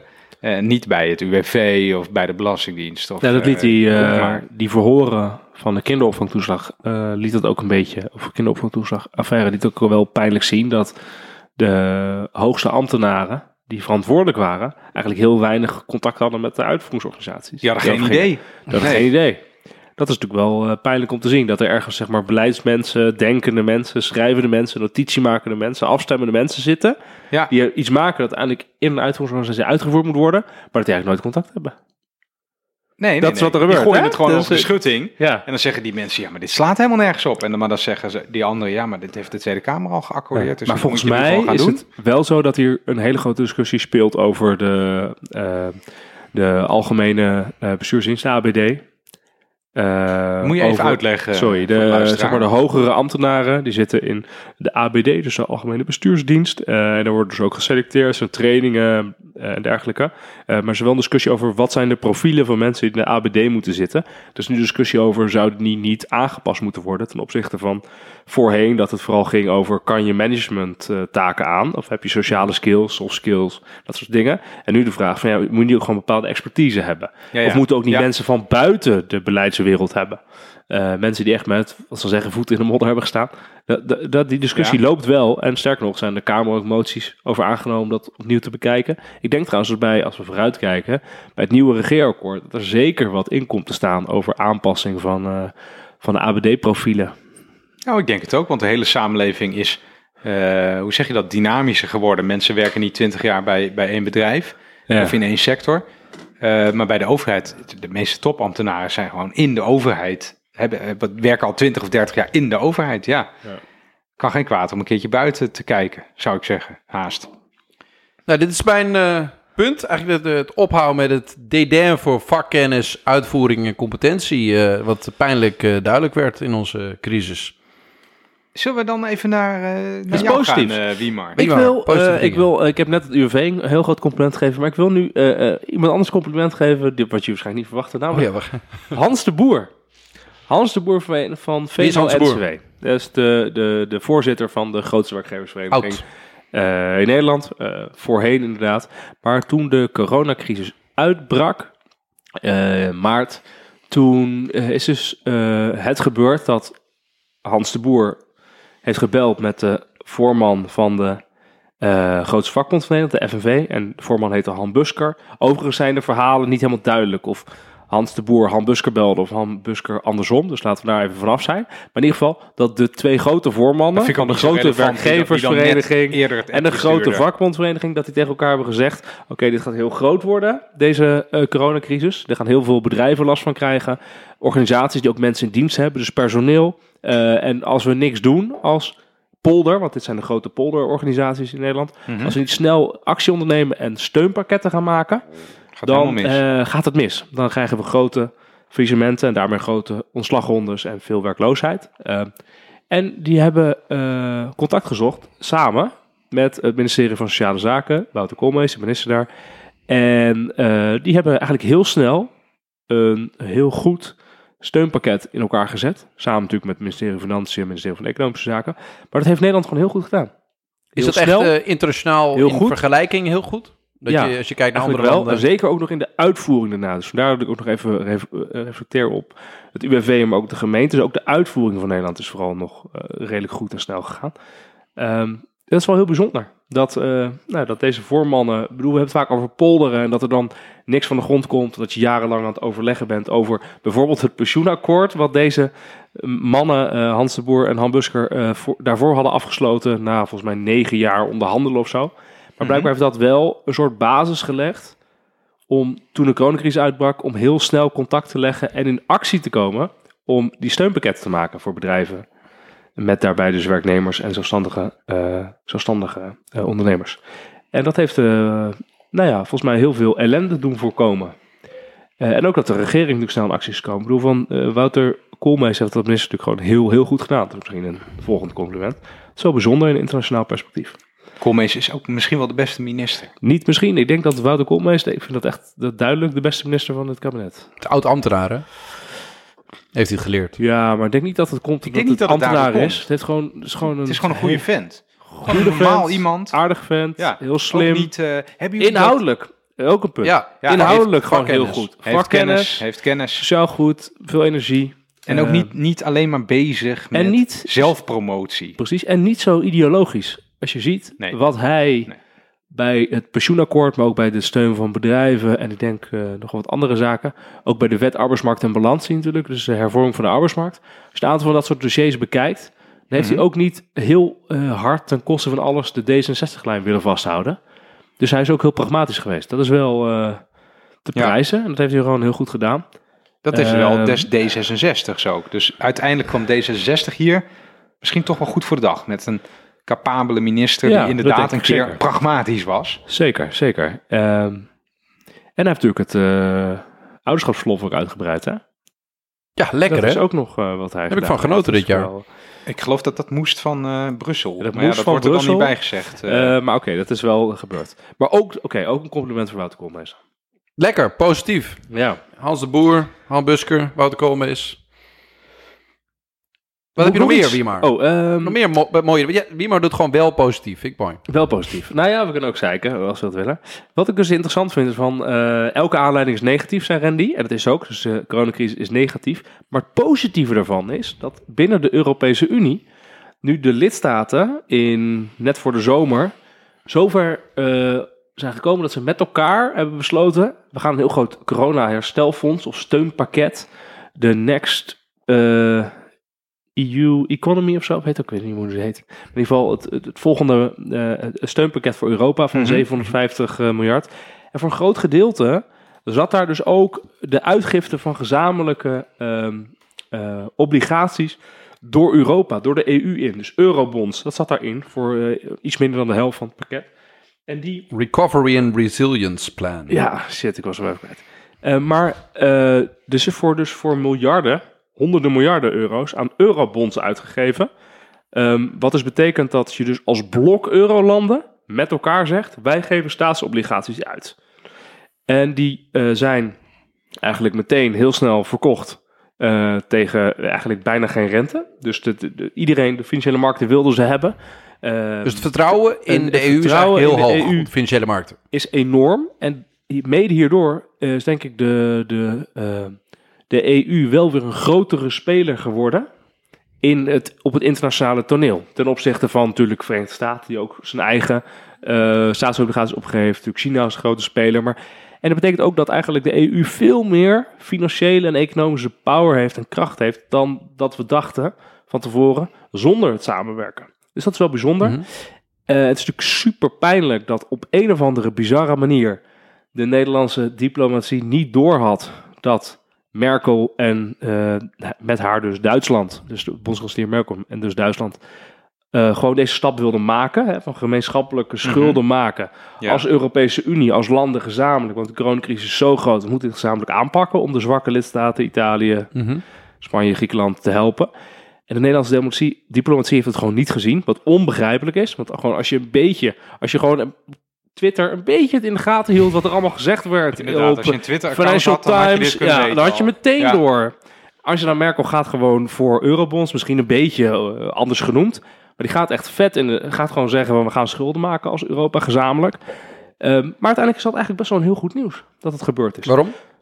Eh, omdat je dus, het belangrijkste vind ik dat je dus zegt van we zijn als EU-landen één blok. En dus eh, sterke en zwakke landen, die steunen elkaar, gaan gezamenlijk op de kapitaalmarkt. En daarmee zeg je ook eigenlijk van hé, hey, we weten nu, we erkennen nu echt dat je als muntunie met 1 euro, dat het alleen maar werkt op het moment dat de zwakke landen gesteund worden door de noordelijke landen. En je zo gewoon transfers gaat geven, nog meer. Dus geld geven aan de zwakke landen. Mhm. En dat wordt nu echt gewoon eigenlijk eh, erkend. Niet zozeer met politieke woorden, maar wel in politieke Het is heel daden. impliciet, het is ook een risico. Dus dat, dat als dit een keer weer een ding wordt, kan er ophef over ontstaan. Nee, want iedereen gaat zijn mond houden nu. Ook eurokritische partijen die verkiezingen zouden kunnen winnen. voor en eh, Rutte gaat nooit meer zijn mond hierover. Gaat, iedereen gaat Dit is gewoon verloren. doodzwijgen. Dit hebben ze gewoon Dit is gewoon, Nederland Ja. heeft hier zo enorm hard verloren. Dat is echt, die, die vier Ja. eh, zuinige landen, eh, die hebben gewoon echt gewoon totaal hun hand overspeeld. Nederland heeft totaal verloren. Dus één groot bloedbad geweest. Eh, Europa heeft eigenlijk gewoon gezegd, de rest van de EU-landen, van Rutte, Hoekstra, eh, schandalige vertoning. Ehm, maar gelukkig dat er nu een deal is. Mhm. Daar is iedereen heel tevreden mee. Maar eigenlijk heeft, heeft Nederland dat... Nederland dat, eh, werd echt kapot gemaakt. Ook Kap- door Duitsland. ja, gewoon kinderachtig gedrag op het- werd het genoemd door op het internationale toneel is, is, is Nederland Ja. echt door de pomp gegaan. En dat vind, hebben wij in Nederland allemaal niet door, want wij, denken, wij geloven dan dat er. Dat Hè, dat- Wopke, dat, dat Wopke en heeft Market in, eh, gewonnen Europa. heeft en- Ja, de schade steeds dat hebben. wat er voor maar de schade op het, op het internationale toneel is, is in mijn ogen behoorlijk. Ja, Ehm, kwam- en misschien kan het ook niet anders dan dit. Hè? Misschien moet je gewoon zeggen, en dat doe ik ook, van hé, hey, wat goed. Dit, Ja. De stap is nu gezet, want dit moest wel. Maar eh, voor de toekomst is het goed, want het is alleen maar het betekent eigenlijk dat, we, dat de EU sterker is. Ik en beter kan concurreren, ook gewoon met eh, de VS en eh, China. Ik heb ook het gevoel dat die, eh, die Brexit-deal is natuurlijk ook gesloten. Goed dat je het zegt. Eh, en dat werd een beetje, eh, vooral in Groot-Brittannië, werd dat gepre- gepresenteerd alsof eh, het feit dat zo'n deal er lag, dat dat een overwinning is voor Groot-Brittannië en een verlies voor Europa. Nee, dat, dat is totaal onzin. Ehm, volgens mij is het juist heel erg goed en positief voor de EU dat deze deal eh, er ligt, dat er een deal ligt. Ehm, en Europa bleef ook verenigd, hè? ja. op dat punt. Geen gedoe. Eh, dat probeerde die, eh, eh, eh, hoe zegt ze dat? Johnson. Perfide, eh, per, hoe zegt ze dat altijd? Perfide Albion of zo in Frankrijk. Dat is zo'n uitspraak van uh, ten tijde van Napoleon. nou ja, goed, in ieder geval. Het, uh, Je hebt weer een boek gelezen. ja. Dit is uit de biografie gelezen. ik, ik zal het zo even, even drie voor twa- twee voor twaalf, hoe het programma Ja. ook alweer. Het gaat zo lopen. Ja, dat zoek ik zo wel even op. Was een deal? Maar Europa bleef eh, verenigd. Er is een deal. We kunnen weer verder. Ik had ook het gevoel dat eh, die stunt, eh, dat, eh, dat de kanaaltunnel opeens even werd dichtgegooid. hè, Ja. vanwege Ja, dat eh. Brit, de Britse variant van het virus. Meesterzet van de Fransen. ja. Heb je die, die, die, die rijen met vrachtwagens? Ja, dat was, dat prachtig. was dramatisch. Was dat. Dat, was, dat had alles. Ja. De Fransen waren echt aan het winnen. Dat was Fransen heel duidelijk zien. bedacht, Het Elysée was Macron de, de dansjes aan het doen. Maar toch is wel interessant dat. ehm, natuurlijk is het zo dat. Kijk, landen, dus EU-lidstaten moeten altijd thuis kunnen verkopen dat ze gewonnen hebben. Hè? Dus dat, dat wat we net vertelden over Hoekstra en Rutte. Ja, dat is ook ja. logisch. Hè? Zo Dat- is het blijkbaar. Zo hoort het. Zo, en ieder, elk land moet thuis kunnen vertellen dat hij gewonnen heeft. Dus het is ook allemaal prima. En dat dus nu Johnson zegt dat hij gewonnen heeft met deze deal. ehm, is, is ook niet helemaal waar. Maar aan de andere kant is ook zo dat de EU-lidstaten. Je merkt aan alles dat die eigenlijk de afgelopen jaren echt Groot-Brittannië bijna kapot wilden maken. En dat is niet gelukt. De, de, de deal is. Nee, er is gewoon niet- een goede deal gekomen. Dat is ook niet goed. nee, nee Toch? dat, is, Ja. dat is ook niet goed. Eh, Dus maar de, in die de zin soort heeft Europa gefunctioneerd. Dus ondanks de Ja. sentimenten die er waren om Groot-Brittannië eh, kapot te maken, is dat niet gebeurd en is er gewoon een redelijk verdrag gesloten. Ja, Handelsovereenkomst bedoel ik. Het ja, dat klopt. is gewoon winst. Zeker Waarbij, voor Nederland. eh, ja, zeker. Zeker voor Nederland. Nederland is, eh Ja. Het Verenigd Koninkrijk is een hele grote handelspartner. Dat is sowieso is dat heel goed nieuws hè, voor, de, eh, voor Europa nu. Dat, eh, dus de, de, de deal met, voor Brexit is er redelijk goed. En er is ook net weer een deal gesloten met China. Hè? Oh, een handelsakkoord met China. Over dat Europese bedrijven in China redelijk vrij kunnen gaan investeren en toegang krijgen tot sectoren en zo. Dat gaat echt de, de, de, de, de, de rijkwijde van de, het handelsgebied zeg maar, van de EU enorm vergroten in de komende jaren. Dus eigenlijk heeft de EU, misschien moet ik wel gewoon zeggen, de EU heeft eigenlijk behoorlijk goed gefunctioneerd.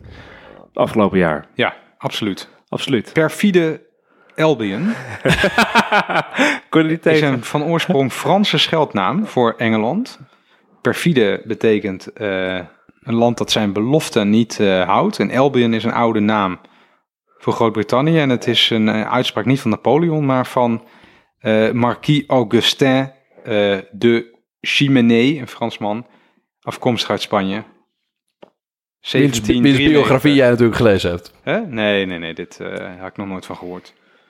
Ik heb wel weer een mooie biografie gelezen, jongens. Ja, welke? Eh, Abraham Kuyper, Oh ja, vertel de geweldige. Ja. Eh, een biografie van Johan Snel. Nou, dat verdient een groot compliment. Het is echt eh, lekker geschreven en ook echt goed geresearched, ja. Als je dat zo zegt. Ehm, en dat is een ontzettend bepalende figuur geweest voor de Nederlandse geschiedenis. klopt, zeker. En wordt volstrekt verkeerd begrepen. Eh, want het is bekend van bijvoorbeeld eh, het concept soevereiniteit in eigen kring. Eh, Ja. Daar heb je wel eens van gehoord waarschijnlijk. En dat wordt dan toegeschreven als de, de basis van de verzuiling. Dat is totaal, totaal fout. Dat is totaal niet hoe het zit. Dat betekent meer dat bijvoorbeeld een... eh, dat gaat meer over de relatie van bijvoorbeeld een beroepsgroep eh, tegenover de overheid. Ehm, en Kuiper was een groot emancipator van de gewone man. Eh, en het gekke is dat de socialisten en Kuiper die kwamen in aanvaring met elkaar toen Ja. hij premier was. Ja. Toen de grote spoorwegstakingen waren en hij dan wetten af, af- afvaardigde die dat verboden. Ja. Maar uiteindelijk was Kuiper ook een, ook een voorvechter van de gewone man. Tegenover de, eh, dat is ietsje eerder dan, want toen was hij al premier, ja, hè, ja, heb je het een en ander bereikt al. Eh, tegenover de liberalen die alles in handen hadden. De mensen met de lange achternamen, de, hè, de, de, De mannen van adel. Ja, Ja. Wat leert ons dit voor 2021? Oh, sorry. Ja, even erbij blijven, Randy. even de teugels van aangetrokken hier. Ja, ja. Ja dat vind ik altijd een lastige vraag. Wat leert dit ons voor Ja, 2020? daar mag je hierover voor nadenken. ik aan het einde terug. jeuk in mijn script eh, vastheid. eh. Ja, oké. nou, ik had wel, ik. kijk, als ik dit soort dingen lees, het is geen, eh, geen antwoord op jouw vraag die het opeens kloppend maakt, want het is gewoon een totale deviatie van het script wat ik nu doe. Ja, je zit te lang in een lockdown. Ja, ja ik word helemaal wazig. Ja. Eh, maar dit soort mensen, Kuiper heeft meer dan 200 boeken geschreven. Nou, als wie maar nog even doorgaat, dan kan hij ook eh, dat doen. 200 boeken? Ja, had ook zijn eigen krant, de Standaard. Schreef iedere, ook zelfs als premier. eh, Sliep hij niet of zo? nou, hij was wel regelmatig ook totaal overspannen. Dan moest, hij, weer, moest hij weer drie maanden kuren in Zwitserland. Daar kwam zijn moeder dan vandaan, daar had hij wat, daar had hij wat mee. Oh, Dus, en het hele gezin stond ook in dienst van hem. Hè. Dus zijn dochters waren zijn persoonlijk secretaris. En eh, alles draaide om hem. En hij had, hij had oud geld, dus hij hoefde verder niet eh, eh, te werken. Maar dit soort mensen, van dit kaliber, Dat hebben we niet meer. die hebben wij niet meer. Nee, dat is heel zoeken. duidelijk. Zoeken, opleiden. En je kan hem, hij, was, hij is een tijdgenoot van Troelstra ook. Hè. Ehm, maar dat soort mensen, die hebben wij niet meer. Nee, dat, dat, vind, dat valt mij altijd op als ik dat lees. Ook als je een biografie van Drees, die was hiervoor aan de beurt. Als je dat leest, die hebben wij niet meer. Dat soort mensen. Dat is, eh, dat is verleden tijd. Wiemar, had je ook vooruitblikken? Vooruitblikken voor 2021. Ja. eh Wat gaat er gebeuren? Nou, ik eh, zit natuurlijk enorm uit te kijken naar het eh regeerakkoord. Als het verkiezingen. is. Dus eh, 17 zijn er maart, Op 17 verkiezingen. maart, Tweede Kamerverkiezingen. Daar komt een bepaalde uitslag uit. En dan wordt er geformeerd. Dan komt er een regeerakkoord. Ehm, en wat dus interessant is, is dat het hoogstwaarschijnlijk zo is. En dat is wel een lekker gevoel. Je hebt zo'n soort gevoel dat er een soort paradigmawisseling is in de Nederlandse politiek. Dus hij had net eigenlijk over hè, dat de VVD eh, blijkbaar nu ineens zo'n 7000 euro inning eh, bij een bijstandsrechter een probleem vindt. Als we altijd voor gepleit hebben. Dus dat merk, zie je breder. We hebben de verkiezingsprogramma's doorgenomen Jij met gaat, elkaar. nu, jij gaat nu mijn punt. Ga je alvast eh maken. Moet ik een andere pakken? Nee, nee. maakt niet uit. dus ik denk dat er, er komt er een regeerakkoord. En zeker als nu geld lenen eigenlijk nog steeds eigenlijk gratis is. Hè, we, misschien zelfs er geld op toe als je Nederlandse staat leent. Denk ik van ja, ik denk dat we toch een behoorlijke stap gaan maken met eh, een duurzaamheidsagenda. Dus heel veel geld vrijspelen om Nederland te verduurzamen. Ehm, we gaan eigenlijk toch wel nu grote stappen zetten op de arbeidsmarkt, denk ik. Van ja, als we afgelopen half jaar eh, ZZP'ers een basisinkomen hebben gegeven en ongeveer heel Nederland eh, op de payroll van de Rijksoverheid stond, dan denk ik van ja, dan, dan kan dus alles eigenlijk. Hè? En sociale rechtvaardigheid of armoedebeleid, dat, dat gaat wel een, een, een tikje omhoog krijgen. Want je ziet nu Mhm. bij discussies over fraudevervolging eh, dat dat eh, aan het veranderen is. Dus ik, ik zit wel, nou positief gevoel heb ik over het eh, regeerakkoord. En niet zozeer omdat daar linkse partijen aan mee gaan doen, maar omdat je merkt dat de middenpartijen en rechtse partijen een stukje links-progressiever zijn eh, geworden. Dat was een punt. Maar ik wilde niet voor jouw voeten iets wegmaaien. Wanneer moet ik gaan praten over dat boek trouwens? Wat? Jouw Oh. nieuwe boek. Ja, wanneer moet Ja, ik dat nou ja, ik, ik gaf jou net al een voorzetje. Oh, ben je nu ik- al je autobiografie aan het schrijven? Nee, nee, zeker niet. Kan Randy hem lezen? Nee, maar, eh, ik ga, er komt een boek uit.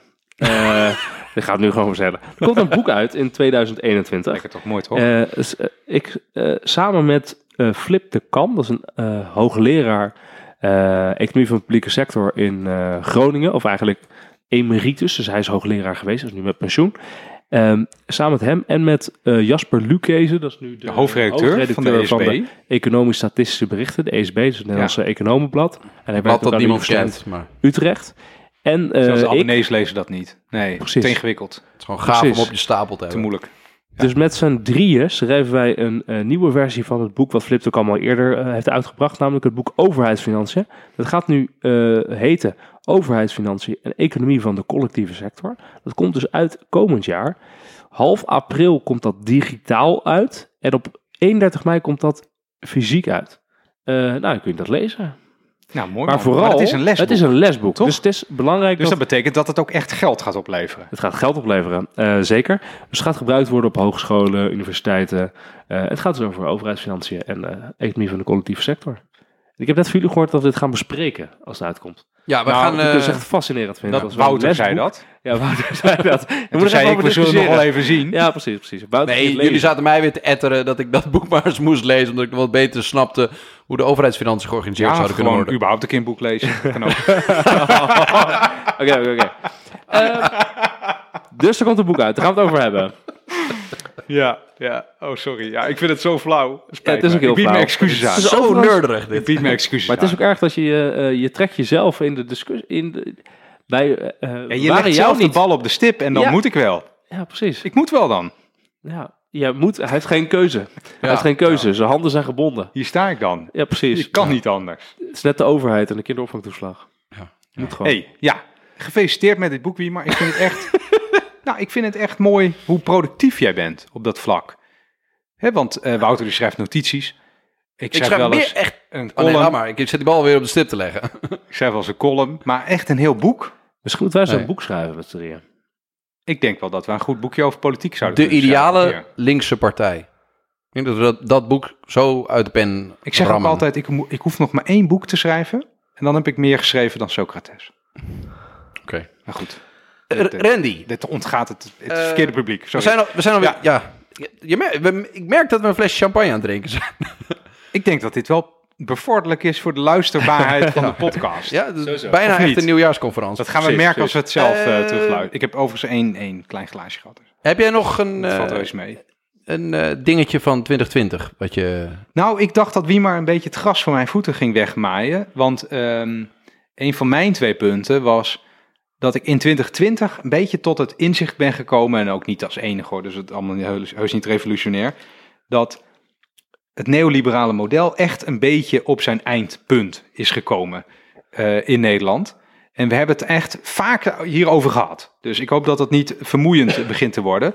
Maar in mijn ogen is neoliberalisme ehm, een soort stille ideologie die erop neerkomt dat je niet alleen de economie, maar ook de samenleving door het marktmechanisme laat ordenen. Eh, en het gevolg, wie maar die wordt heel onrustig eh, Ja. nu, maar die grijpt naar de fles, of een Ja. fles water eh, voor de luisteraar. Ja, staat voor je neus. Heel, eh Wat is het helemaal van me apropos. Wat Maar dat de samenleving dus ook door het marktmechanisme wordt geordend. Met als gevolg dat de samenleving zich een beetje splitst. Of een beetje langzaam uitgesorteerd wordt tussen de productieven en de onrendabelen. Ik zeg het eh, bewust eh, eh, zo grievend eh, en, en duidelijk mogelijk. Eh, dus de winnaars en de verliezers. En die kloof die is heel vaak geduid eh, in, eh, door de bestuurskundigen en politicologen. En vaak anders. Hè? Dus het is een kloof tussen hoog en laag opgeleid. Of een kloof tussen globaliseringswinnaars. Dus René Couperus, die hier is geweest, die, die duidt dat vaak zo. Een, een kloof tussen globaliseringswinnaars en verliezers. En ik denk dat dat allemaal waar is, maar dat dat partieel is. En dat de echte kloof is tussen de mensen die economisch productief zijn en de mensen die wiens kwaliteit op andere vlakken liggen. Maar vanwege die neoliberale samenleving zijn zij, worden zij in de modder getrapt. Zij tellen niet mee, want hun waarde voor de economie is eh, laag. Ehm, en dat, is ook, dat verklaart ook waarom we het blijkbaar oké vonden in Nederland dat we mensen in de bijstand zo, zo kapot maken wanneer ze een foutje maken. Ja, Maar maar mensen- het, het is, gaat verder dan dat. Want het is niet alleen van, eh, je telt niet mee, want je bent niet productief. Maar het is ook nog van, eh, je Je bent ook deugt nog, als mens ook niet. Ja, je bent waarschijnlijk ook nog een keer een fraudeur. Hè? Ja, ja, Dus precies. dat, waarschijnlijk ja. is dat dan Ja. ook in jouw ogen een neoliberaal mensbeeld. Hè? Ja, en dat tendeert dus toe naar een klassensamenleving met een bovenklasse van economisch krachtige mensen en een onderklasse eh, van mensen die geen, eh, geen of een kleine rol in de economie hebben. Maar dat model, en dat is positief misschien toch, om even happy clappy eh, Dat is kapot. te doen. Dat model is kapot, is zichtbaar kapot. Ehm, maar dat is ook uitgebloeid. Eh, daar begint men nu van terug te komen. Dus een hoger minimumloon, zelfs de VVD vindt Ja. dat inmiddels. Hè? Ik ben het we- hier heel erg mee eens. En ik wil er even op aanvullen, omdat ik, weet je waar ik, wat ik denk? Eh, dat je hebt ergens in de jaren negentig in Nederland een soort derde wegbeweging gehad, hè? Van de, vooral linkse partijen die een beetje neoliberaal werden en zo. Ja, ja, ja. Dat, dat, hè, dus eh PvdA en eh, vooral Kok heeft er veel mee te maken gehad. Dat was natuurlijk een paradigmawisseling. eh, waar nu in ieder geval behoorlijk wat mensen eh, met wat spijt op terugkrijgen. Achteraf. Eh, maar daarna had je een paradigmawisseling in 2010 na de financiële crisis. met een enorme bezuinigingspolitiek. hè. Dus ja. we Ja. moesten naar 3% en de begrotingsregels van Brussel. En de, de 50 kwamen we miljard opeens tot het inzicht dat de 2. financiële markten ons kapot kunnen Ja, maken. financiële markten kunnen Ja. kapot maken. Dan moeten we vooral alles doen om financiële markten tevreden te houden. En eh, nu merk je, na deze crisis, dat het ook aan het omslaan is. Want ook die bezuinigingspolitiek is nu, eh, dat, dat doen we nu niet meer. Nee, want En we hebben ontdekt dat, dat we centrale banken gewoon geld kunnen laten Ja, drukken. precies. Ja, en, en Ja. dat het ja, en dat bezuinigen heel veel schade aan je economie toebrengt. En dan ook nog structurele schade. Dus Geld zijn we nu ineens achtergekomen. Geld is echt, een beetje wordt niet bijgedrukt. Ja, precies. Ehm, Koop bitcoins. Precies. dus zeg maar, eh, de derde weg en de bezuinigingspolitiek, dat is nu al verlaten. En Ja. nu komt er iets nieuws. Nu komt er iets nieuws, ja. En dat is uiteindelijk de positieve erfenis van Trump. Namelijk eh, dat die mensen die, ehm, en er zijn ook politicologen die zijn het hier niet mee eens, maar die mensen die afgedankt zijn door de samenleving, die kunnen verrotten. eh, wat wat de consensus tot dit punt betreft. Die mensen hebben ook macht in democratieën. Eh, en die mensen die pikken het niet meer. Ehm, en dat, dat gaat, daar gaat wat veranderen. Ja, ik denk eigenlijk denk dat, ik. dat misschien dat de verandering die dat is, dat het ook te maken heeft met het, eh, wat in 2020 duidelijk werd, is dat vaak het populistische of het xenofobe antwoord op wat er allemaal gebeurde, dat is gelinkt aan wat jij net zegt. Dus dat we die, die derde wegfase hebben gehad, die austerity fase. En vervolgens de, de- ja, op zoek zijn naar iets nieuws. En je had in sommige landen had je daar een, een populistisch. eh, we hebben een, een heel duidelijk herkenbaar verhaal. eh Hully hebben het gedaan. Antwoord. En dat stort telkens in elkaar. In Nederland zag je dat met de ineenstorting van Forum. Maar je zit in heel veel andere. Hou dat nog even vast. Nee, dat is het. Het was bijna bij een broggetje. Oh, pardon. Ja. Bij, bij heel- in heel veel andere leiders, bij eh, eh, eh, Johnson, Bolsonaro, Trump, zag je het in de aanpak van een, een coronacrisis, waar zij de collectieve sector eigenlijk niet tot enige vorm van competentie wisten te krijgen. Mhm. Ehm, ik denk dat dat er toch gaat leiden dat eigenlijk die herwaardering van collectieve waarden, dus dingen die we, je als maatschappij gewoon gefixt moet hebben en niet kunt zeggen het mag privaat bezit zijn, want alles wat privaat bezit is en niet collectief is, is beter.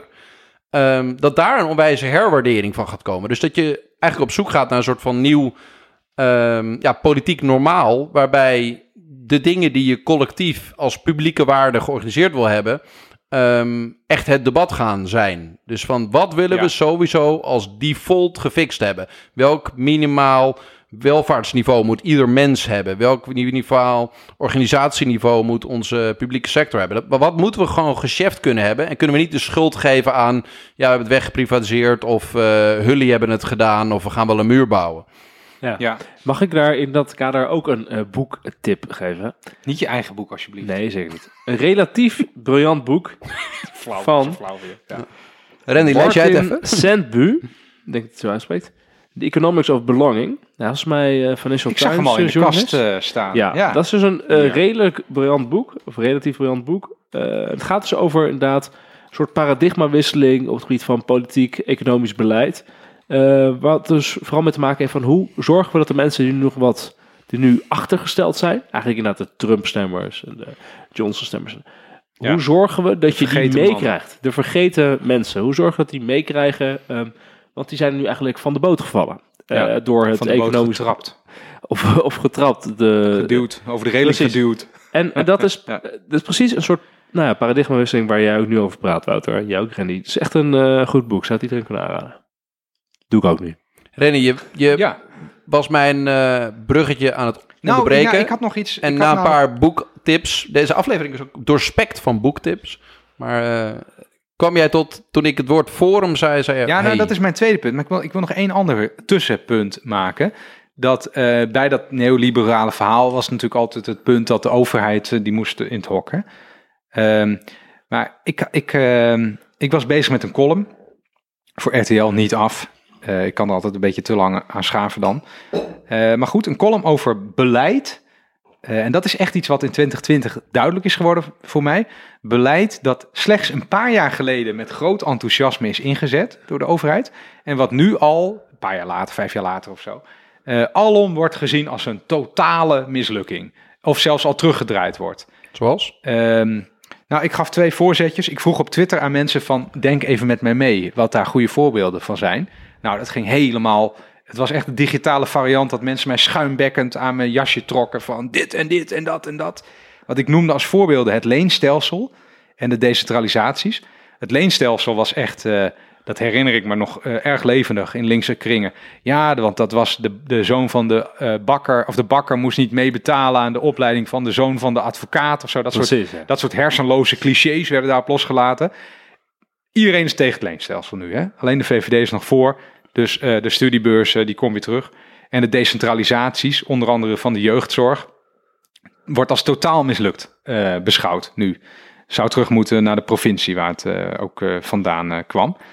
Maar ik kreeg daar dus honderden reacties op. Dat is dus echt interessant. Ehm, en wat mensen dus vooral noemden, en ik, ik ga er ook nog wel een stukje over schrijven, maar ik wil het hier ook alvast even gebruiken. Misschien moet je boek schrijven. Nou, dat zeiden mensen ook. Op een gegeven moment, de, er stroomden zoveel reacties binnen dat mensen zeiden: dit is zonde om dit aan een column te verspillen. Maar Schrijf is het een boek alleen maar Rutte 2 beleid? Nee, dat is niet waar. Nee? Is Maar wel voornamelijk. Ik moet wel zeggen, Ja. Rutte 2, daar zijn wel veel dingen in werking gezet die gewoon ondoordacht eh, waren.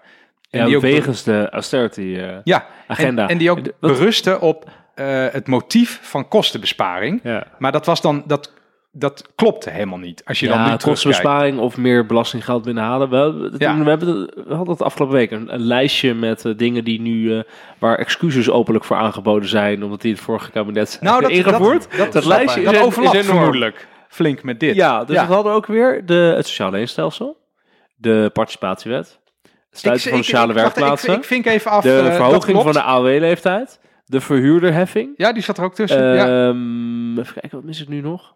Het te gewoon te bezuinigen in het algemeen. Er is te veel bezuinigd. ja, dat eh, vind, de- ik, dat vind ik te breed. De, de decentralisatie eh, van, de, van, nou ja, van, dan, van de ouderenzorg en de decentralisatie van de Ja, jeugdzorg. zat- die zaten er zeker tussen. Ja. Eh, mis ik er nou? Welke mis ik nu? We hadden er zeven volgens mij. Verhuurderheffing. De- Ja, die zei ik al. Je. Verhuurderheffing. Ja. Eh, maar dit is eigenlijk gewoon, als je, dat, als je er voor al die dingen excuses aanbiedt, zeg eigenlijk gewoon, ja, vorige Wij kabinet niks. Rutte Sorry, 2 wij kunnen was, niks. Dat was gewoon één grote ellende. Als je Nou, er is allemaal Mensen kennen dat wel, maar er is ook zo'n beroemd, ehm, beroemd stukje geschiedenis, verhaaltje, dat eh, de ja, Rutte 2 was de VVD en de Partij van de Arbeid, even eh, in herinnering, herinnering roepend. De Partij van de Arbeid-fractie, die kreeg eh, het concept regeerakkoord en toen, toen zei Samson, voilà, hier is het. Jullie hebben een uur om het te lezen en te accorderen. Nou, weet ik veel, 80 pagina's of zo. Allemaal zeer ingrijpende hervormingsplannen. Ja. Een uur heb je dan. Eh, en al die Kamerleden die, eh, die, die zijn al lang blij dat ze daar mochten zitten. Dus die zeggen, ja meneer Samson, oké, akkoord. Eh, desastreus. De linkse Ja. politiek is, ligt nog in scherven vanwege alle onzin die toen erdoor is gevoerd. Dat kan nooit meer gebeuren. Ik weet ook niet of de Partij van de Arbeid ooit nog de kans krijgt om zo groot te worden. Want op dit moment eh, is Nou ja, uh. Lodewijk is nog steeds, nog steeds excuses aan het aanbieden. Die loopt het nog steeds aan het uit te leggen. ja, dat is wat er aan de hand is. ja. En je hebt nog één ding gemist trouwens. Dat, wat ook echt veel werd genoemd. Ik, wacht even, ik maak even het lijstje. Van wat dus volgens Twitter... Je zou die grijns op Randy's gezicht moeten zien. Nee, ik vind het heel schrijnend. Wat, voor- maar ik heb, dat heel veel mensen. Dat ze een beetje moeten lachen als het echt heel erg wordt. Ja. Eh, het leenstelsel dus. De participatiewet. Dat heeft Ja. dus ook met die bijstandsmevrouw te maken. Het passend onderwijs. Totaal mislukt volgens eh, eh, de mensen. De decentralisaties. Met name dus de jeugdzorg. Het abonnementstarief in de WMO. Dat is heel recent pas ingevoerd. En dat, hoe ik het begrijp. Ik moet mij dus wat, nog wat beter verdiepen in al die punten. Voordat ik erover durf te schrijven. Maar dat betekent dat iedereen een vast bedrag betaalt. In plaats van dat de Nee, maar dat is het nieuwe kabinet. Ja, dat is nu, dat is recenter. Rutte. Dat is, Ja, rec- dat klopt, dat is recenter. Eh, want dat vind ik ook zo gek. Ik weet nog uit de tijd dat ik raadslid was, dat, dat toen werd het, de inkomensafhankelijke bijdrage in de WMO ingevoerd. Ja. Eh, en dat is echt niet lang geleden. Dat was in 2012 of zo. Ja, en nu is dat alweer anders. Dus, dus ja, maar is dat was een- dus eh, kabinetsbeleid van, van Rutte 2, van eh Maarten van Rijn, om een inkomensafhankelijke bijdrage te doen voor de WMO. Om- Afhankelijk dus van de draagkracht van, Nee, dat van is de eerder al, als het goed is. Oké, maar in ieder geval is het bij de dat- decentralisatie verder voortgezet. Oké, ja. Eh, of misschien ook nog een denk dat dan was Nou een ja, beetje vrij te praten Mijn hier. punt Dat daarbij vermogen is, mee ging tellen. mijn punt daarbij is, toen iemand dus zei, of iemand, toen tien mensen zeiden abonnementstarief WMO, toen dacht ik, wat is dat in vredesnaam? Nog nooit van gehoord. Eh, en dat komt dan ook, want je denkt dat je geïnformeerd bent over hoe dit land wordt bestuurd. Ja. Maar ondertussen is die trein van dol drieste hervormingen, die is alweer tien stations verder gereden. Ik snap er ook geen zak van, nog Nee. steeds niet. Hoe moet, hoe, moet je, hoe moet je bijblijven in dit land? Het is onmogelijk. Al die departementen die zijn alleen maar nieuwe, nieuwe wetsvoorstellen aan het afscheiden. De ene nog ondoordachter dan de andere. En ze mislukken allemaal binnen vijf jaar. Nou ja, goed. Eh, Ja. Wat ook nog echt vaak werd genoemd is eh, de, eh, de biomassa. De subsidie op biomassa. Oh ja. Totaal onwijs. Gewoon hartst- hartstikke slecht voor het klimaat juist. En eh, natuurlijk, last but not least, de pas. Hè, de stikstofwet. Oh ja. Dat is echt gewoon vrij recent is dat ingevoerd. Dat was de oplossing. Totaal. Dat is ook Rutte 2 trouwens. Ja, dat is ook Rutte 2. Ja. Henk Bleker woont bij mij. Ik zie hem af en toe in de straat en dan denk ik altijd, zak hem... eh ik Nee, even een gesprekje aanknopen. Maar wat dacht jij dat ik ging zeggen? Zal ik... Doe wat, dacht jij? Zal ik hem onder de, onder de auto Zal ik hem een hoek geven? Ja, ik, ik dacht dat je iets heel onverstandigs zou zeggen. ja. Nee, nee, nee. Je wilde gewoon aanspreken zeggen, toch? Ja. Ja, je Ja, wilde gewoon tuurlijk. aanspreken zeggen. Babbeltje. Zal ik hem een babbeltje dat. aanknopen? Ik vind dat... ehm, ik ga er altijd vanuit dat veel mensen af en toe denken... Ah, daar moet ik even een gesprekje mee voeren. Ik kwam ook een keer Theo Hiddema op het station tegen. We hebben een gesprek mee gevoerd. Waarover? Ja, Over een kat. Nee, nee, dat was toen hij, toen hij net ehm, gekozen werd. En toen had, was hij in het nieuws dat hij zei... Ja, ik weet niet of ik in de Kamer ga zitten. En toen was hij daar een sigaretje aan het roken op het perron.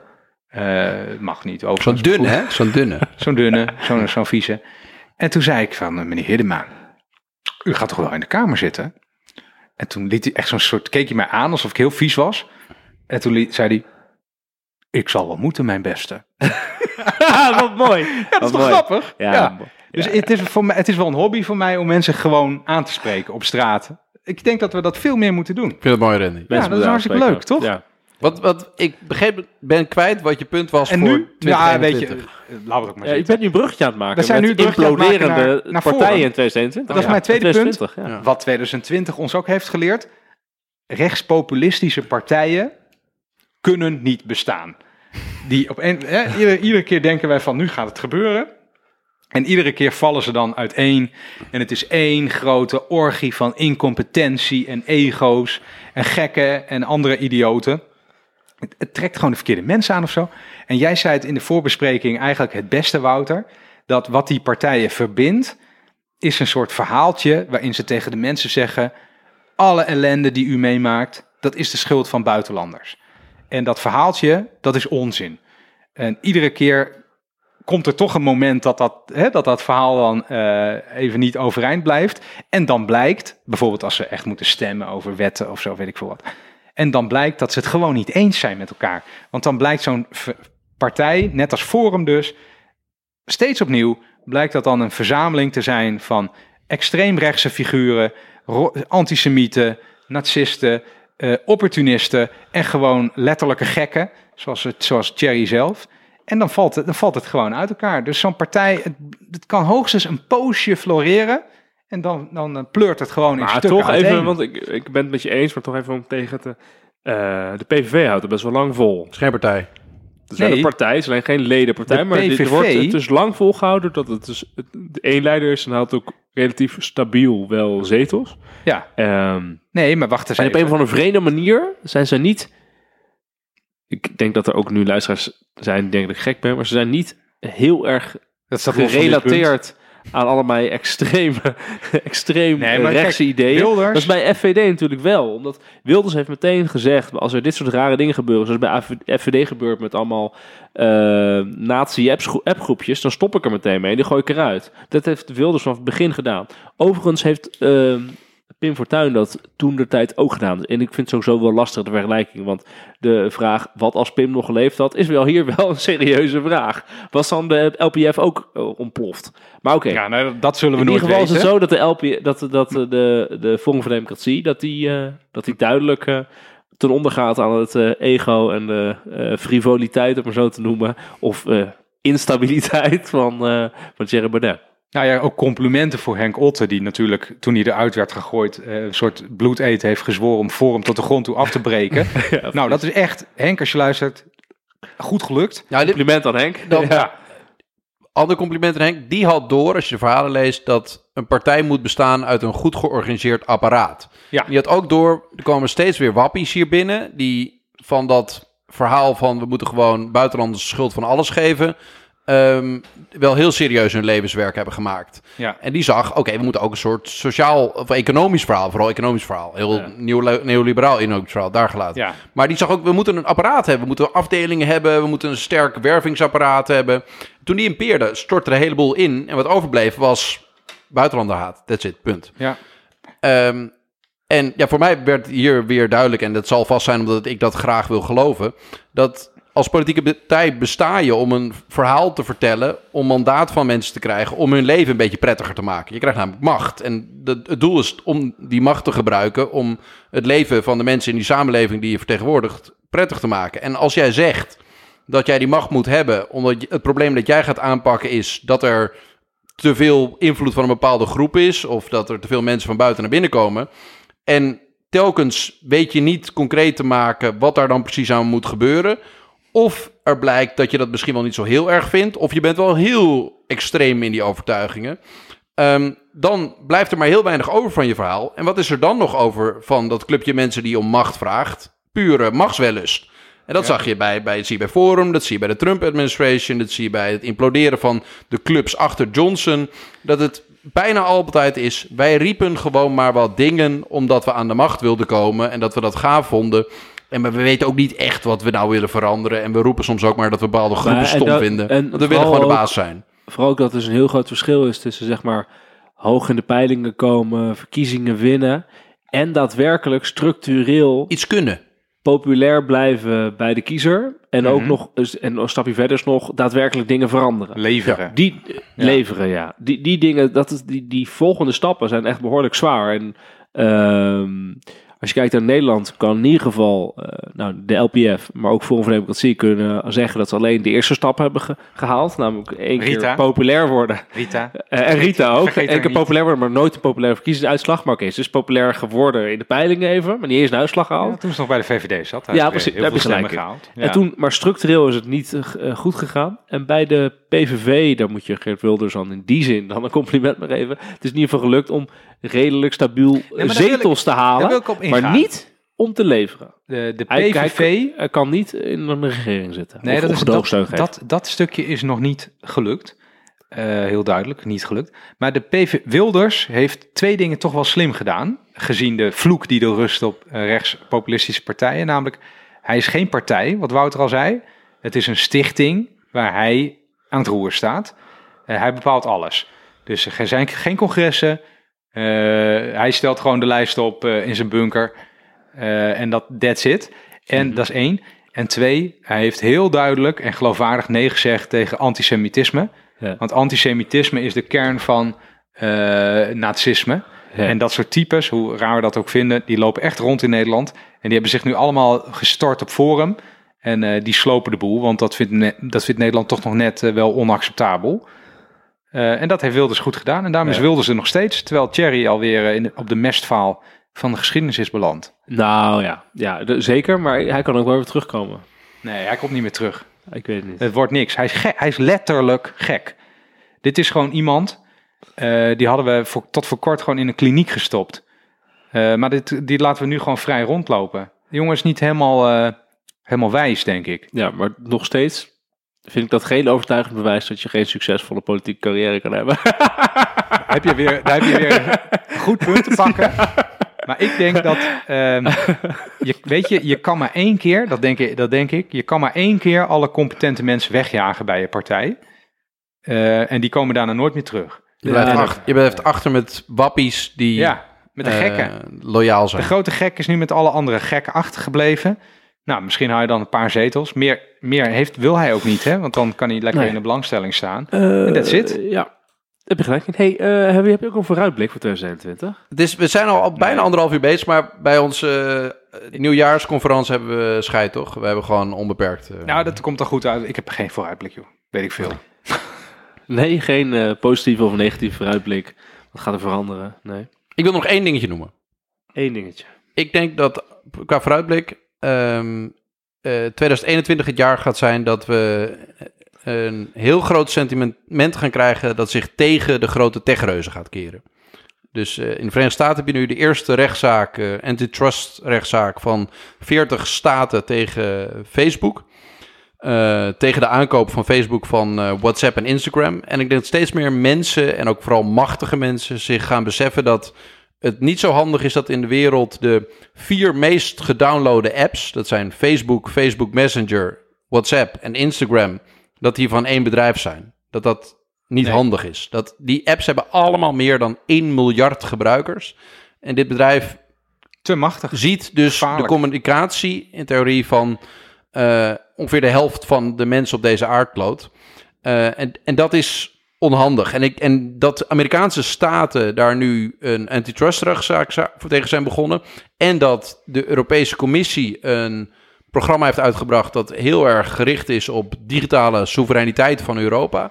ehm, maakt mij heel hoopvol dat we rond ja, de, de techreuzen die eigenlijk een groot gedeelte van onze aandacht zijn gaan domineren, zeker in deze pandemie, eh, dat dat een maatschappelijke discussie gaat worden. En dat, Ja, dat vind ik heel goed. Al, maar wel wat mij vooral...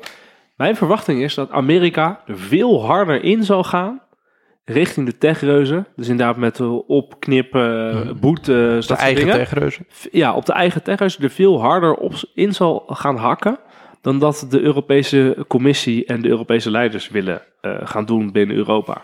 Op een van de vreemde manier eh, willen we het niet doorhebben dat eh, Amerika natuurlijk een superkapitalistisch land is. Maar als de overheid daar ingrijpt, Ja, ja. ze dat veel rigider doen dan eh, in Europa. Dat Ja. zie je ook bij al die, al die Eens. coronasteunacties en toen na de financiële crisis en hoe ze banken te lijf zijn gegaan. Dat gaat hier ook gebeuren. Amerika wordt, wordt alleen als een stereotype begrepen in Europa. Want inderdaad, het is precies wat jij zegt. Ze grijpen veel rigoureuzer in dan wij denken in de, in de vrije markt. Ja, alleen ze vertellen een ander verhaal. Ja, maar ze gaan echt. Er, ik denk echt dat, eh, dat in. eh, dat, kijk, dat- nou, misschien precies dit. Eh, in Amerika zeggen ze gewoon: we gaan die zooi opknippen. Het moeten geen machtsblokken zijn. En we gaan er heftig in. En we beboeten het helemaal tot het dood is. Mhm. Eh, en in Europa zeggen we: de soevereiniteit van de consument. Ik, in, Data. We moeten weten wat de algoritmes zijn. Moeten- ik, ik, ik, ik, ik hoop dat je ongelijk dat- hebt. En ik denk dat er een Nou, kans denk dat je niet. ongelijk hebt. Want binnen, de, binnen Europa, in ieder geval de mensen die er een beetje verstand van hebben, is nu echt wel het, het wantrouwen stijgende dat het onverstandig is dat de belangrijkste assets die we hebben als mensen, Nee, maar ik, ons- gaat mij onze niet om- aandacht, dat die van die bedrijven zijn. Ja, maar wat heel belangrijk is, dat het mij dus niet gaat over de mensen die er verstand van hebben. Mhm. De, de mensen die er verstand van hebben, die hebben gelijk. Oké. Maar het gaat over de, de politieke keuzes die vervolgens gemaakt worden. De politieke keuzes om in te grijpen in de, de markt zijn in Europa eigenlijk altijd slapper dan in Amerika. In Amerika zijn Ja, politici gewoon bereid om veel zwaardere keuzes te Ja, maken. maar dat is ook logisch, want de markt staat bij ons soort van in de grondwet, namelijk de Europese Ja. verdragen. Dat zie je ook op macro-economisch Ja. en monetair beleid. Daar gaan we heel even... Maar gewoon... ehm, Maar er is één reden waarom eh, het lastig wordt te zeggen wie dan gelijk heeft van jullie. Want die bedrijven die dan opgeknipt zouden moeten worden, dat zijn Amerikaanse bedrijven. Dus het is ook logisch Ja, ja, dat de ja, Amerikaanse overheid daar dan een bijzondere positie in zal hebben. Ja. Ja, en ik denk dat de Europe Eu- Europa gaat meer op... eh nou, het gaat gewoon het jaar worden van het eh, kapotbeuken van de big tech. Dat Hey, gaat het en worden. je vindt het hoopvol, blijkbaar. Ik vind Ja. het mooi. Nou, mooi. Hey, Gezellig. ik denk dat het goed is dat we nu afsluiten. Ja. Voordat iedereen helemaal kapot gepraat is. De luisteraar die nog over is. Ja, ja. En ik moet ook naar de wc, dus jee, het moet oh, wel. jee, jee. Ja. Hey, ehm, jongens. Dank voor het luisteren. Laat een review achter voor onze Ja, nieuwjaarsconferentie. op Apple, dat vinden we heel erg leuk. Die Ja. lezen we honderd keer. Ed Ja, Randy Martens doet het ook erg goed. En grote dank en zeer grote waardering en complimenten als je alle afleveringen dit jaar geluisterd hebt en dat volgend jaar weer wil gaan doen. Dat lijkt me ook wel een goeie. Overigens, komend jaar, als de coronamaatregelen eh wat afgezwakt worden, willen wij weer gasten uitnodigen in deze Ja. podcast. Want dat eh, levert toch altijd wel een behoorlijke kwaliteitsimpuls, kan ik zeggen. Eh, dat willen we graag doen. Dus eh, ook als je daarvoor tips hebt, laat het ons even weten via Twitter of een andere. Oh ja, en laat de tip niet jezelf zijn, want daar hebben we al best wel veel van binnen gekregen. In ieder geval. Ja, dus Wel. mensen zichzelf uitnodigen. Vind ik weer zo bitter, zo'n bittere opmerking. Ja, precies. Hey, luisteraars, bedankt voor het luisteren. en tot de volgende keer. Yo.